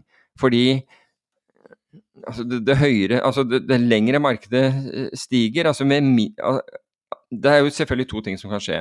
Altså Hvis markedet er i ubalanse, i hvert fall det, det, er, en, det er en påstand, og, og, det er også en påstand at det er veldig liten grunn for den oppgangen som har, har, har funnet sted. Ta det som en påstand, vi, vi kan ta det som en hypotese. Men hvis den hypotesen er riktig, så er det to utfall herfra. Det ene er at verden forbedrer seg. Alt egentlig forbedrer seg. Inflasjonen faller, vi opprettholder uh, vi, vi, opprett, vi, klarer å opprettholde veksten til tross for at inflasjonen faller. Du hører at liksom How does that work? Uh, I dette tilfellet. Um, og verden går videre, at, eller verden går uansett videre, men, men, vi merker ikke noe. Altså Goldilocks-type scenario, som jeg tror vi aldri har sett, bare så det er sagt. Alle driver og snakker om det, men ingen har sett det. Men det er veldig populært å, å, å, å bruke. Så det er én mulighet. Den andre, den andre, noe mer dystre muligheten, det er jo at øh, Donald ser ned, altså han er utfor, utfor stupet, og, og, det går rett fram, han faller ikke. Men så ser han ned, og nok investorer kikker ned og sier å helvete, la oss eh, du, her, trenger, her, bør vi få, få, på noe beskyttelse, for dette ser ikke bra ut. Og så, og så går det til nedsiden. Det er jo på en måte det andre scenarioet. Og så må du veie de der opp mot hverandre, hva du syns er, mest og minst eh, sannsynlig. Og så har du noe som ble nevnt i, i, i slutten av forrige uke, hvor Flere ekspertkommentatorer nevner hvordan SKU har falt i USA. Det ene er at opsjoner er billige, men hvordan SKU har falt. Altså med andre ord, den merprisen du betalte for, for uh, beskyttelse til nedsiden kontra uh, muligheter til oppsiden. Altså put-opsjoner, uh, out of the money, ta 25 delta. Nå, jeg vet at dette blir så nerdete, men out of the money som betyr salgsopsjoner med innløsningskurs under dagens kurs versus kjøpsopsjoner med innløsningskurs over dagens kurs. Vanlig, altså etter 1987, så har de salgsopsjonene blitt priset vesentlig dyrere enn tilsvarende eh, kjøpsopsjoner, altså tilsvarende ut av penger kjøpsopsjoner. Det er det vi kaller SKU. Og så var det en rekke kommentatorer slash eksperter som viste til i forrige uke, og særlig mot slutten av forrige uke, at den skuen hadde falt dramatisk, så nå var det så billig å hedge seg. Og til det vil jeg si at en sku på 143 er ikke dramatisk fall i det hele tatt, bare så, bare så det er sagt. Altså hvis vi var i nærheten av 100, eller 105-110, skulle jeg gjerne Så absolutt.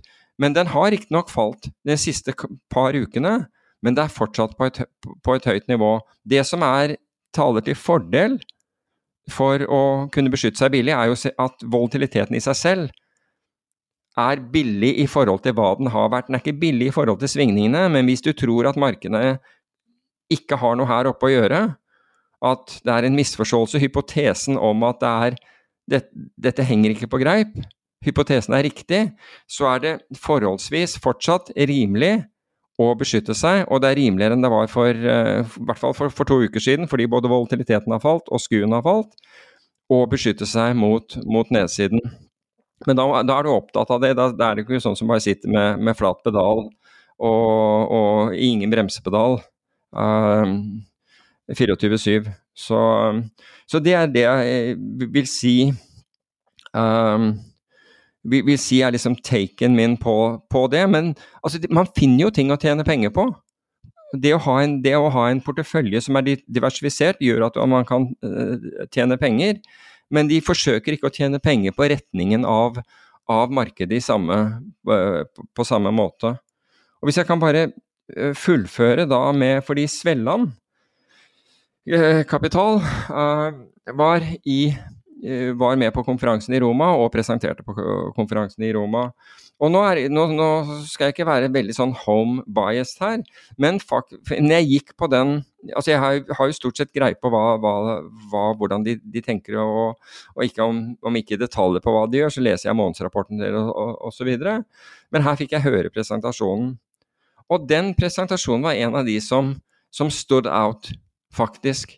Den var utrolig bra. altså her er det, De er jo i et nisjemarked, ikke sant? fordi de, de, eh, de følger med det fysiske markedet for frakt og, og råvarer, og bruker det for for, for å forutsi priser på bl.a. aksjer og, og, selve, selve og, og future-kontrakter for den saks skyld, altså hvor råvarer skal. Så de er i et nisje-type uh, produkt.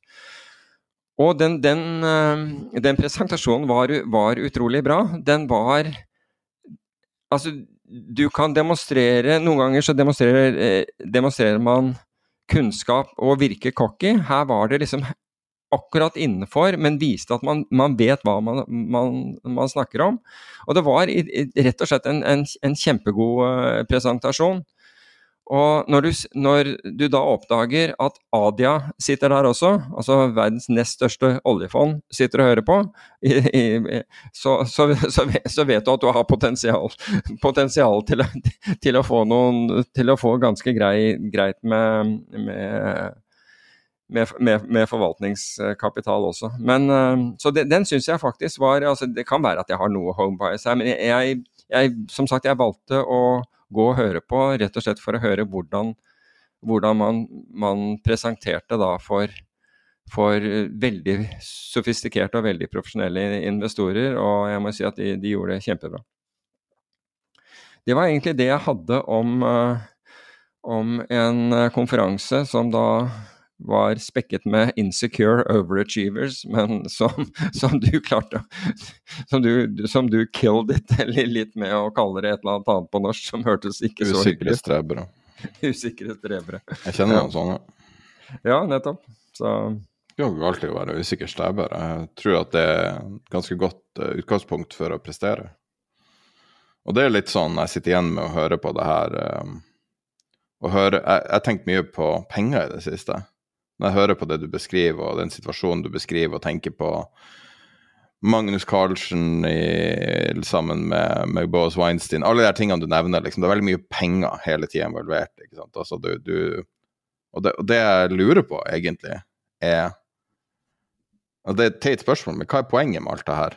Jeg skjønner at man bevarer pensjoner, jeg skjønner alt det, men fra et personlig ståsted så har jeg nesten vanskelig for å forstå hva som får en person som har lykkes så mye som f.eks. Boas Weinstein eller Anduran eller en eller annen, eller, eller Svelland for den saks skyld, at hvor er det de finner motivasjon fra?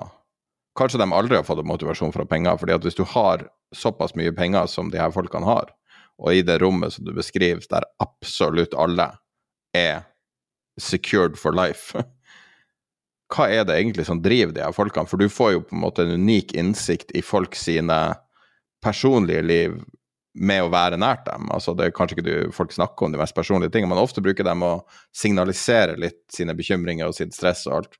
Og tenker på, Vi har snakka om helse i det siste, og jeg har tenkt mye på, på det. og at Så det er ikke alltid den um, det jaget alltid er verdt det.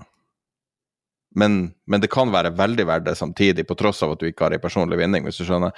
Så jeg har et spørsmål jeg ikke klarer å formulere helt.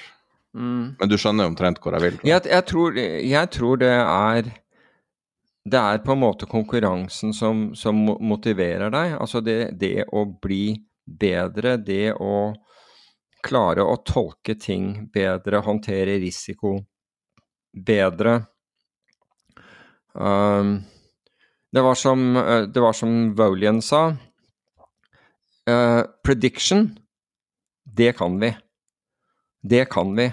Det som, det som er uh, det, det, som er vår videre utfordring nå, det er automation av det. Men prediction, det kunne de. Så Og jeg tror det er den der Jeg tror det er det å bli bedre. Det å å, å få det til. Jeg er sikker på at Boas blir ordentlig glad når, eh, når, en dommer i Massachusetts eller Southern District of, of New York um, kommer, altså, dømmer i favør av dem. Og, og, er, og, det viser seg at resonnementene han har presentert, og, og saken ha, har vært viktig og riktig. Og så kommer pengene som en sånn sekundær um, gave, kan du si, av det. Men jeg tror, og det, det, tror jeg gjelder veldig mange. altså Det gjelder jo gründere også. Altså Om du begynner innenfor oppdrett, eller om du begynner eh, du har en idé og vil gjerne utvikle noe. Jo, Veldig ofte så starter du av nødvendighet på et eller annet nivå, med mindre du har arvepenger. Så, så er det en nødvendighet for å overleve, betale husleie og alt sånn. Men du på en måte er jo litt sånn i spydspissen Altså, det rommet du er i, er jo sånne rom som konspirasjonsteorier skapes fra. Altså, det her er jo Hadde folk hørt om denne konferansen, så ville det ha vært en konspirasjonsteori rundt hva som skjer der. Uh, fordi at det er, det er, så spydspissen nesten som du får det. Det her er folk som har mer makt enn statsledere, bare at den er mer en sånn soft power eller en sånn indirekte power. Men så har de har definitivt makt. Mm. Og Men uh, jeg har bare tenkt masse på liksom hva, Er jaget verdt det? Jeg er ikke helt sikker. Nei, altså det, du, du, du, kan jo hoppe av dette her i jaget, og nå Er det noen som gjør det? Um, ja, ved, ved, naturlig seleksjon er det jo det. For uh, gjennomsnitt, altså gjennomsnitts hedgefondet blir jo ikke veldig mange år gammelt. Er Det ikke noe sånt som seks år eller fem et eller annet sånt år. Og vi, og vi, var vel inne på det sist, hvis du ikke lykkes ganske raskt, så er det jo nesten umulig å, å, å hente inn kapital. Og selv om du lykkes, så er du aldri bedre enn din, din, din siste trade enn ditt siste resultat. Så det er, jo, det er, jo, mye press på deg hele tiden i forhold til det, og det er mange som sier at nei, dette her orker jeg ikke, altså det, dette krever rett og slett for mye. Eller, eller dette er ikke lønnsomt. Og så, og så gir du deg. Da, hvis, du, hvis, du, ønsker å være forvalter, så er det mye lettere på en måte å være en long only forvalter, altså en aksjefondsforvalter. Jeg sier ikke at det er lett, men det er lettere enn å måtte håndtere, enn, enn å måtte håndtere det ekstra elementet som risiko utgjør hver eneste dag, istedenfor at, du, at du følger en eller annen benchmark pluss-minus et eller annet, og, og, og, blir liksom godtatt for det. Så, så jeg, tror du må, du, jeg tror du må ville leve i den, den verden. Du, du må på en måte trives i den verden. Og den, den verden som i anførselstegn som vi nå snakker om, den har jo også forandret seg over tid. Bare så det er sagt.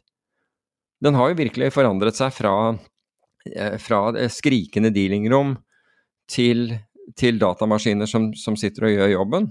Jo, Men selve verden har jo ikke forandret seg så mye. Det er jo mer nei, redskapene men, men, som har forandra seg. Ja, men, ikke, men de redskapene og personlighetene. Den er mye mer celebral nå enn den var. Før så, så musklet jo folk markedene og ikke sant, altså var, Poenget mitt er at the, the, the, work is worth it, men rewarden er ikke det man må jobbe for. Det er det jeg tror.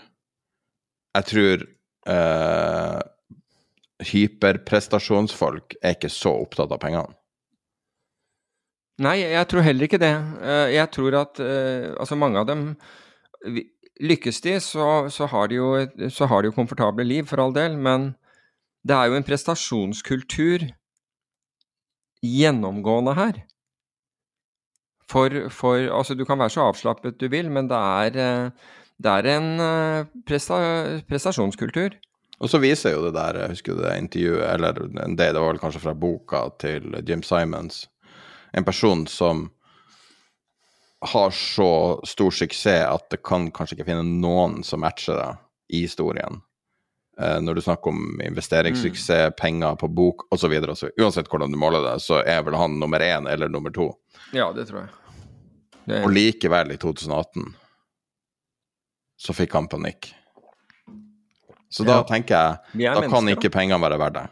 Fordi at hvis du ikke kan isolere deg for den, så er det ikke pengene i seg sjøl. Så har jeg hengt meg opp i pengene, jeg vet ikke hvorfor det kom. Men det var bare så mye snakk om suksess, så det var det jeg satt igjen med, liksom. Er jo, men, det verdt det? at the end of the day så, er det jo den, så, så går det jo på, på, på, psyken din, ikke sant, om du er i stand til å håndtere den, den usikkerheten. Og Det er derfor også det er viktig at, at hedgefondforvaltere som har en større grad av frihet enn f.eks. aksjefondsforvaltere, altså, i og med at de kan handle i andre typer instrumenter og ta annen type risiko, at de har egne penger i det. Og det er jo, det er jo en av de tingene som Finanstilsynet ikke liker med, med, med den, eh, den uh, asymmetriske uh, payouten, ikke sant? Altså nemlig at du, du, kan tjene svært godt hvis det går, går bra, fordi de, det, man er da bekymret for at de skal ta for, for, mye risiko, rett og slett for å gjøre det, fordi du sitter med, kundene sitter med risikoen. Jo, så, Et korrektiv mot det er jo at man har mye av sine egne penger i den samme forvaltningen, Slik at hvis dette går den andre veien, så kjenner du det også. Og det er viktig. Det er faktisk viktig og riktig at, at det er sånn. Og jeg, og, og jeg deler jo Finanstilsynets bekymring, altså generelle bekymring for den type struktur. Uh, og, den må da, og, og den bør da påses, og derfor er det også veldig viktig, og det er også riktig, at man er eh, presis og klar på hvilke risikofaktorer som er der, hva man kan handle i og alt dette her.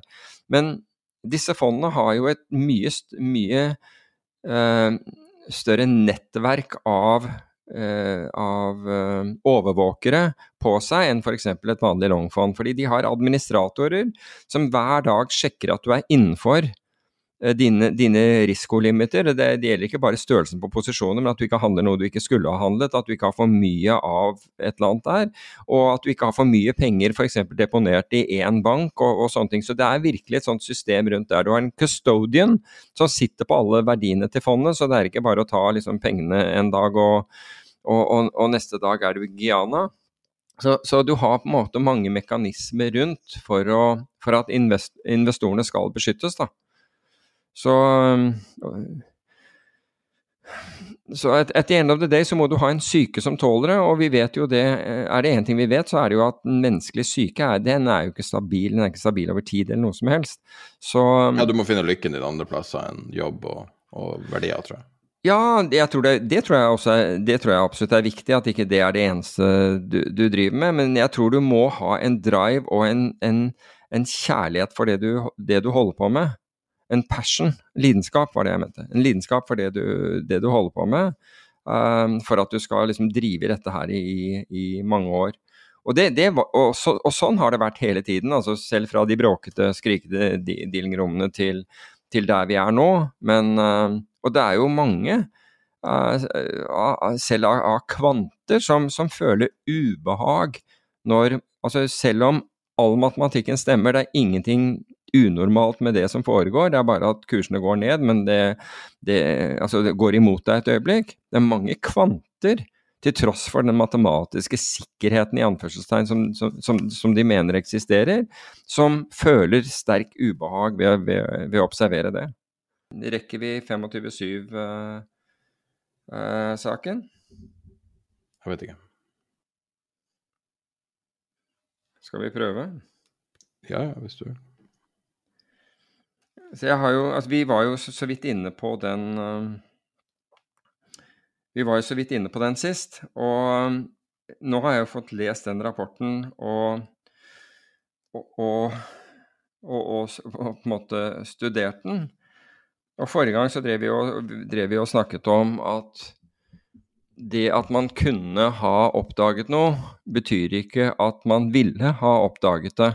Altså sannsynligheten øker, men det betyr ikke at det ville ha blitt, uh, ville ha blitt avverget.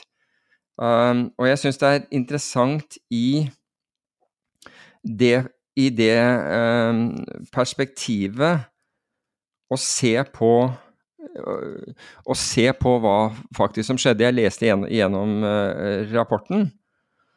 Og hvis jeg kan sånn der kjapt gå gjennom den altså Du har jo hos um, hos PST så har du jo da fire forskjellige enheter pluss ledelse som er på et eller annet sted involvert i dette. Det er Felles etterretning kontra terrorsenteret, som er en enhet som sitter hos PST i Nydalen, så, hvor det finnes folk fra E-tjenesten og folk fra PST. Og den er satt opp for at man skal, for at man skal kunne dele eh, inf informasjon og foreta en viss grad av analysearbeid. Og så er det førsteresponssenteret til PST, som er den første som da får inn, eh, får inn ny informasjon og på en måte bestemmer hva man skal gjøre med det. Så er det kontraterror, som er den avdelingen som da skal drive med dette. Og så er det Ossin, som er åpen kilde-etterretning. Med andre ord folk som går ut på, på, på nettet og, og, søker, og så er det selvfølgelig også ledelsen. Men denne saken starter ved at E-tjenesten, som, som, er den utenlandske altså, altså en norsk eh, altså militær etterretning, eh, som da jobber mot, mot, utlandet. PST jobber mot trusler i Norge, og etterretning eh, forsøk som gjøres i Norge, mens E-tjenesten forsøker å avdekke ting mot Norge eh, som, som, som, skjer internasjonalt, og for å hjelpe i tillegg eh, norske styrker. Og E-tjenesten får da nyss om at en mannlig norsk ISIL-sympatisør forsøker å komme i kontakt med ISIL for å få støtte til å gjennomføre en operasjon som mest sannsynlig terrorangrep i Norge. Dette utformes da den 19. juli, altså vi vet at angrepet skjedde 25. Og den 20. Den, den 20. juli så kommuniseres dette til, til PST, hvor man har et møte med, med PST for å gi denne informasjonen. Og det er ikke vanlig når man gjør dette, altså når man deler etterretning, altså at kilden opplyses. Men det er tydelig at E-tjenesten oppfatter at dette her har en betydning, og kan, og, og kan skje, på, skje, på, relativt kort tid, for ellers hadde det ikke vært noen grunn for å, å gripe inn som de, uh, som de gjør. Så Førsteresponssenteret i PST er da enig i dette, og så går man videre, går man videre derfra. Og så er det egentlig hva som skjer med denne saken hos PST, fordi nå ligger den hos PST, som er interessant å, å se. Fordi Afran Bhatti dukker jo da opp som en, en mulighet her, men han befinner seg i utlandet. Så de vet at han ikke er, og dermed så, er det vanskelig da å, å, å, finne ut noe om han. Men Matapour, som er den som begår denne handlingen, han har faktisk vært jeg kan ikke si aktuell, men han dukker opp allerede i 2016. Og i 2019 så, så oppfattes han som en mulig utøver av angrep. Så du kan si at her har man liksom en grunn til å følge med, men man følger ikke voldsomt med på han. Det, det, det er det som er, eh, det er, det som er, er problemet. Og man gjør en vurdering at han har høy voldskapasitet. Så at the end of the day, dette her, altså hele saken foregår da fra person til person innenfor, innenfor PST, hvor det går fra gruppe til gruppe i i PST frem og tilbake. Og man har da dette, det, dette møtet. Man, man har bl.a. hatt to uh, bekymringssamtaler, eller samtaler med Matapour uh, tidligere, så man vet at man har det. Og så kommer det til at egentlig E-tjenesten Jeg tror de spør om hvordan dette, hvordan, hvordan dette, går, fordi de mente i, i utgangspunktet at det var Batti dette gjaldt, fordi de visste ikke hvem denne personen var, men de koblet det til, til Batti. Men så fant man begge ut at han var i utlandet, og så var det vanskelig å gjøre noe um, At etterforskningsarbeidet ble vanskelig. Man ga det til åpne kilder kontra terror. Var, altså, dette havnet hos, hos kontraterror, som ikke la like stor vekt på det.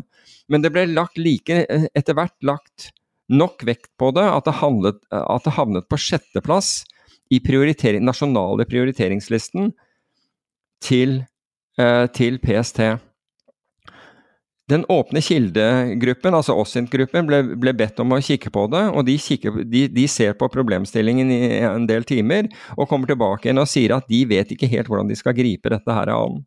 Og man sjekker bl.a., slik jeg oppfattet Batti sin Facebook-side så viser det seg at han har flere, så den, den de hadde sjekket, den, var, den, var, det ikke noe på.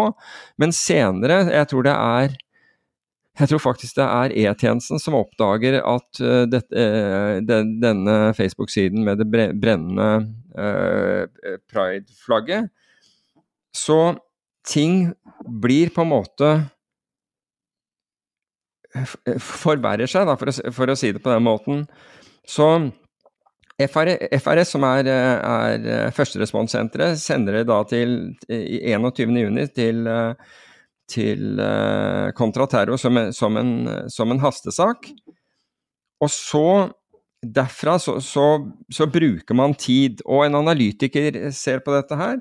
Men så kommer man da til altså ut, man, man, kommer på en måte ikke noe videre i, i, i, dette sporet, og det virker som det er en Som kontraterroravdelingen i, i, i PST muligens nedprioriterer dette, i hvert fall i forhold til hva E-tjenesten har, den oppfatningen av denne virkeligheten som, Eh, så, som PST har. Og sånn, altså det, sånn, går det fra person til person. Og så ber da PST altså til slutt om Altså de, de, de, gjør jo vurderinger, de har jo gjort vurderinger helt tilbake til 2019 på, på Matapour. Altså det, dette er, eh, dette er eh, PST. Og de har, de har søkt på han eh, i, i 2020. Så dette er jo en, en person som er aktuell. Og så er det litt det derre Men av en eller annen grunn så kobler de ikke han til uh, til, uh, til Batti, til tross for at i april 2022 så stopper en politienhet uh, noen Sian-folk på vei til Stovner fordi de ønsket ikke at disse skulle Det var en av for eh, hendelse eller en demonstrasjon eller sånt på Stovner. Og når de har stoppet denne, disse Sian-folkene, så oppdager de at en bil som følger etter dem. Og i denne bilen befinner Batti seg og Matapour. De har kniver, og de har ingen mobiltelefoner, så det er tydelig at de ikke ville at de skulle bli, bli sporet.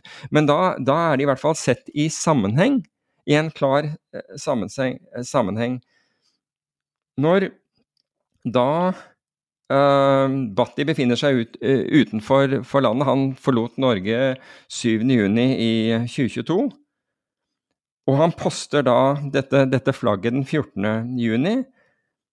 Så senere så oppdager jo Så, så får eh, E-tjenesten høre om om denne Det er et nytt møte for øvrig som, som, som, kalles inn, og det tror jeg er bare dagen før.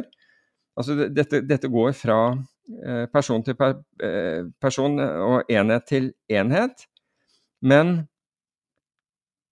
disse inn, altså man, man, man, gjør på en måte ikke jobben, og så kommer det da til at E-tjenesten ber om et nytt møte. Og det møtet eh, mener jeg finner, finner sted dagen før. Men her er problemet. E-tjenesten stiller med tolv personer. De mener at dette er såpass viktig at de stiller med tolv personer. De to saks, eh, de, de, to som har saken hos kontraterroravdelingen til, til PST, ene har dratt hjem for dagen, og den andre skal være med i møtet, men blir kalt til en annen eh, for en annen hastesak, så han møter heller ikke opp. Og analytikeren som da har sett på denne saken, har reist på ferie. Slik at de som da stiller opp i dette møtet med E-tjenesten, er i hvert fall bl.a. fire andre analytikere som interesserer seg generelt for saken, men som ikke har vært på saken. Og så har du, du E-tjenesten på, på, den andre siden. Og så vidt jeg forstår, så, så blir de Så for, fortelles E-tjenesten om denne, den, at Bhatti hadde blitt stoppet da eh, tidligere, altså i, i, eh, i, i april. Og så spør en av disse var det noen andre i bilen, en fra E-tjenesten.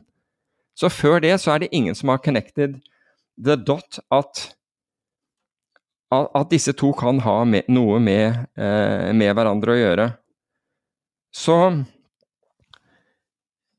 her får man da liksom Det er jo litt, det er jo litt sånn merkelig at Altså Det at folk går hjem fra det kan jo jeg, altså jeg, jeg tenker jo at du, du driver i kontraterror, og dette og du har en tjeneste, en norsk tjeneste, som sier at de føler at dette brenner på dass, og du har et førsteresponssenter hos deg selv som også regner dette som viktig, og, har, og det er det sjette viktigste tingen som foregår i Norge på, på, det tidspunktet, og så er du liksom ubemannet inn i et, bortimot ubemannet inn i et møte med, med, med E-tjenesten. Og dette er da dagen før uh, det skjer.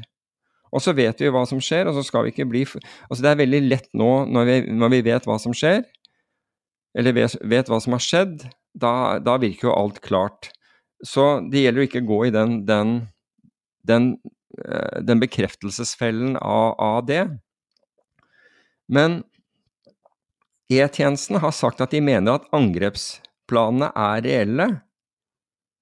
Og de hadde da funnet denne, eh, denne Facebook-siden med det brennende eh, flagget. Så det er liksom det, virker, det, er, det er jo rett og slett bare at ingen tror at det kan skje så fort.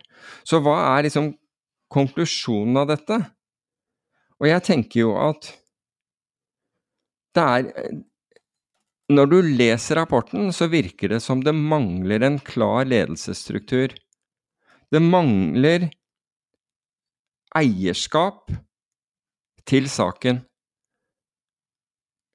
Og jeg tenker jo at når noe, noe sånt skjer, så bør jo noen på en måte eie den, den saken til, til, eh, altså til, til man har konkludert så, så når, jeg ser, når jeg leser nedover, så, så, er det første som slår meg, er at det mangler eierskap. Og det er på en måte en ledelsesutfordring, eller ledelsesfeil, om du vil. Og så så jeg Fridtjof Jacobsen uh, i DN spekulere om det, om det kunne være etterretningssvikt. Ja, man må jo kunne si at det er etterretningssvikt når informasjonen var der, men av, delvis fordi man ikke har noen som eier eh, saken. Den flyter litt rundt i systemet uten ownership. Det er iallfall slik det, det, det, det, virker. De klarer ikke å connect the dots. Og jeg, jeg, forstår, altså jeg forstår jo at liksom samfunnspresset og, og altså hvordan vi som samfunn vil ha det, har gjort at det er vanskelig å drive med det de, det de driver med, fordi invaderende eh, tiltak skal man gjøre så lite som mulig av, og vi vil ikke at noen skal drive og søke på oss og alt dette her. Men allikevel. Og så det, kommer det opp at det gjøres et datasøk hvor måten datasøket, altså rett og slett hva man har skrevet inn i søkefellet, gjør at jeg tror Matapor faller utenfor. Og da tenker jeg at er virkelig disse systemene så snevert satt opp at, at, at det nesten kun er en programmerer som kan skrive dem for at du skal, du skal få frem informasjon? Der er det en mulighet. altså Der er etter min oppfatning en, en, en svikt. Og så er det Så tenker jeg at hvis du hadde hatt større eierskap, altså skape en sånn rett og slett vinnerkultur sånn at du, altså Vinnerkultur, don't get me wrong her, det, det, det sies med, med anførselstegn. Slik at du, du, har folk som virkelig vil drive noe, og det må være noe i det å lykkes. Fordi det er som vi, vi, vi sa sist gang, når du lykkes, så er det ingen som hører om det. Men når du mislykkes, så, du, så, så henges ut til de grader ut. Men det tatt i betraktning, så vil jeg jo si at, at her er det her, her, er det jo klart rom for forbedringer. Og det slo meg også da jeg leste det, at hvis du hadde brukt AI her At vi snakker om å connect the dots. Hvis du hadde brukt AI her med, med all den informasjonen Alt det her kan gjøres med Palantir sitt system? Jo, men det er det jeg mener. Altså, med den informasjonen som de allerede sitter på, så burde Det er nøkkelferdig fra Palantir, og Norge er kunde av Palantir. Ok.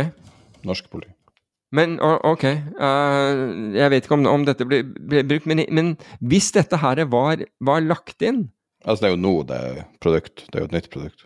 Ja, så burde jo, så burde jo ting ha dukket opp her. Tenker jeg, altså Sånn at du misser nære forbindelser til, til Batti, til tross for at bare noen måneder før så har uh, Matapour blitt, blitt, uh, blitt stanset sammen med han. uh, hvor, hvor, det er sannsynlig at man, man var i ferd med å, å, å, gjøre noe. Så men det kommer jo ned til altså, hva er det man kan gjøre i en sånn situasjon. og Det er hva Eirik Kristoffersen, altså forsvarssjefen, sier. Ingen kritikk uten, forsvar, uten forslag til, til, til, forbedring. Og jeg mener at her er det rom for forbedring. Jeg, mener, jeg, kan, jeg kan jo ikke si at man ville ha klart å stoppe det. Det er, det er, en sånn sannsynlighetsvurdering. Hadde du hatt den informasjonen kunne det vært gjort, ville du, ha, du ha funnet han for den saks skyld? Men samtidig så har man ubegripelig flaks ved at det, det, det automatvåpenet som uh, Matapour har, uh, at, at, det kiler seg. Hadde ikke det kilt seg, så kunne det vært 20-30 døde. Så her bør man sette seg opp i stolen og lure på er dette Altså, når jeg leser dette, så tenker jeg er dette riktig organisert? Er det riktig at denne felles etterretning og, og kontraterror, som da skal ta inn informasjon fra begge nettopp for å, for å, kunne forhindre terror i Norge, at den er en del av PST, eller burde det der rett og slett vært en egen tjeneste med sitt eget budsjett og sin egen analytiker og hele Noen analytikere er det der, for all del, men at, burde, at vi burde tatt den biten der på større alvor, istedenfor at den, eh, den skal da måtte be om om, om, deler av et budsjett som, som alle andre ber om. Altså har, nå, nå, viser det seg at det var helt riktig at, uh, at livvaktstjenesten har, har, dratt av gårde med store beløp, rett og slett fordi den er blitt såpass mye utvidet i, i Norge.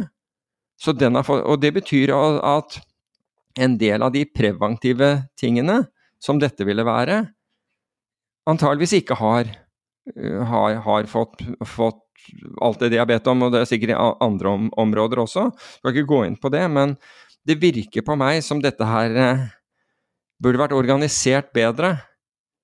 Og at Og først og fremst at dette med eierskap Altså i, i det private så, så, må vi ta eierskap til noe, ikke sant? Altså må, det er du som eier denne.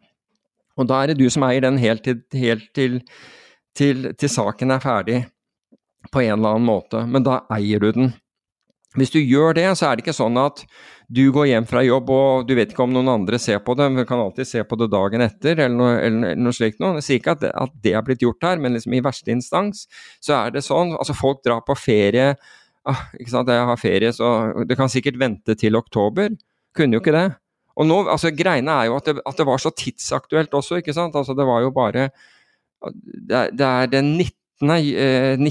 Eh, juli hvor E-tjenesten gjør denne analysen og bestemmer seg for at, å, å, å, ta kontakt, og 25. så smeller det. 20. får, får PST beskjed. Men det var tydelig der at det var ingen det var, det var, kanskje noen, men i hvert fall konklusjonen var, viser seg at man følte ikke at, at, at det brant på dass. At dette her måtte man virkelig sette alle kluter til på. Og hvis man følte det, så er det jo enda verre når det gjelder lederskap, fordi da er det noen som virkelig som ikke har, har gjort jobben sin. Men poenget er ikke å, å kritisere uten å, å, å, forbedre. Jeg mener jo at her er det opplagt ting som kan forbedres. Da. Det blir ikke populære å si sånt, men uh, det er nå i hvert fall min, min, uh, min konklusjon. Skal vi runde av episoden, da? Da kan vi runde av eh, episoden, som da har inneholdt uh, Denne gangen starta vi i hvert fall med, med, finans og internasjonal finans, og til slutt sikkerhetspolitikk. Da er vi tilbake neste mandag med vanlig episode, og så kommer vi med i hvert fall en Patron-episode denne uka. Ok, ha det bra. Ha en fin uke. When you make decisions for your company, you look for the no-brainers. If you have a lot of mailing to do, stamps.com is the ultimate no-brainer. Use the stamps.com mobile app to mail everything you need to keep your business running with up to 89% off USPS and UPS. Make the same no-brainer decision as over 1 million other businesses with stamps.com. Use code PROGRAM for a special offer. That's stamps.com, code PROGRAM.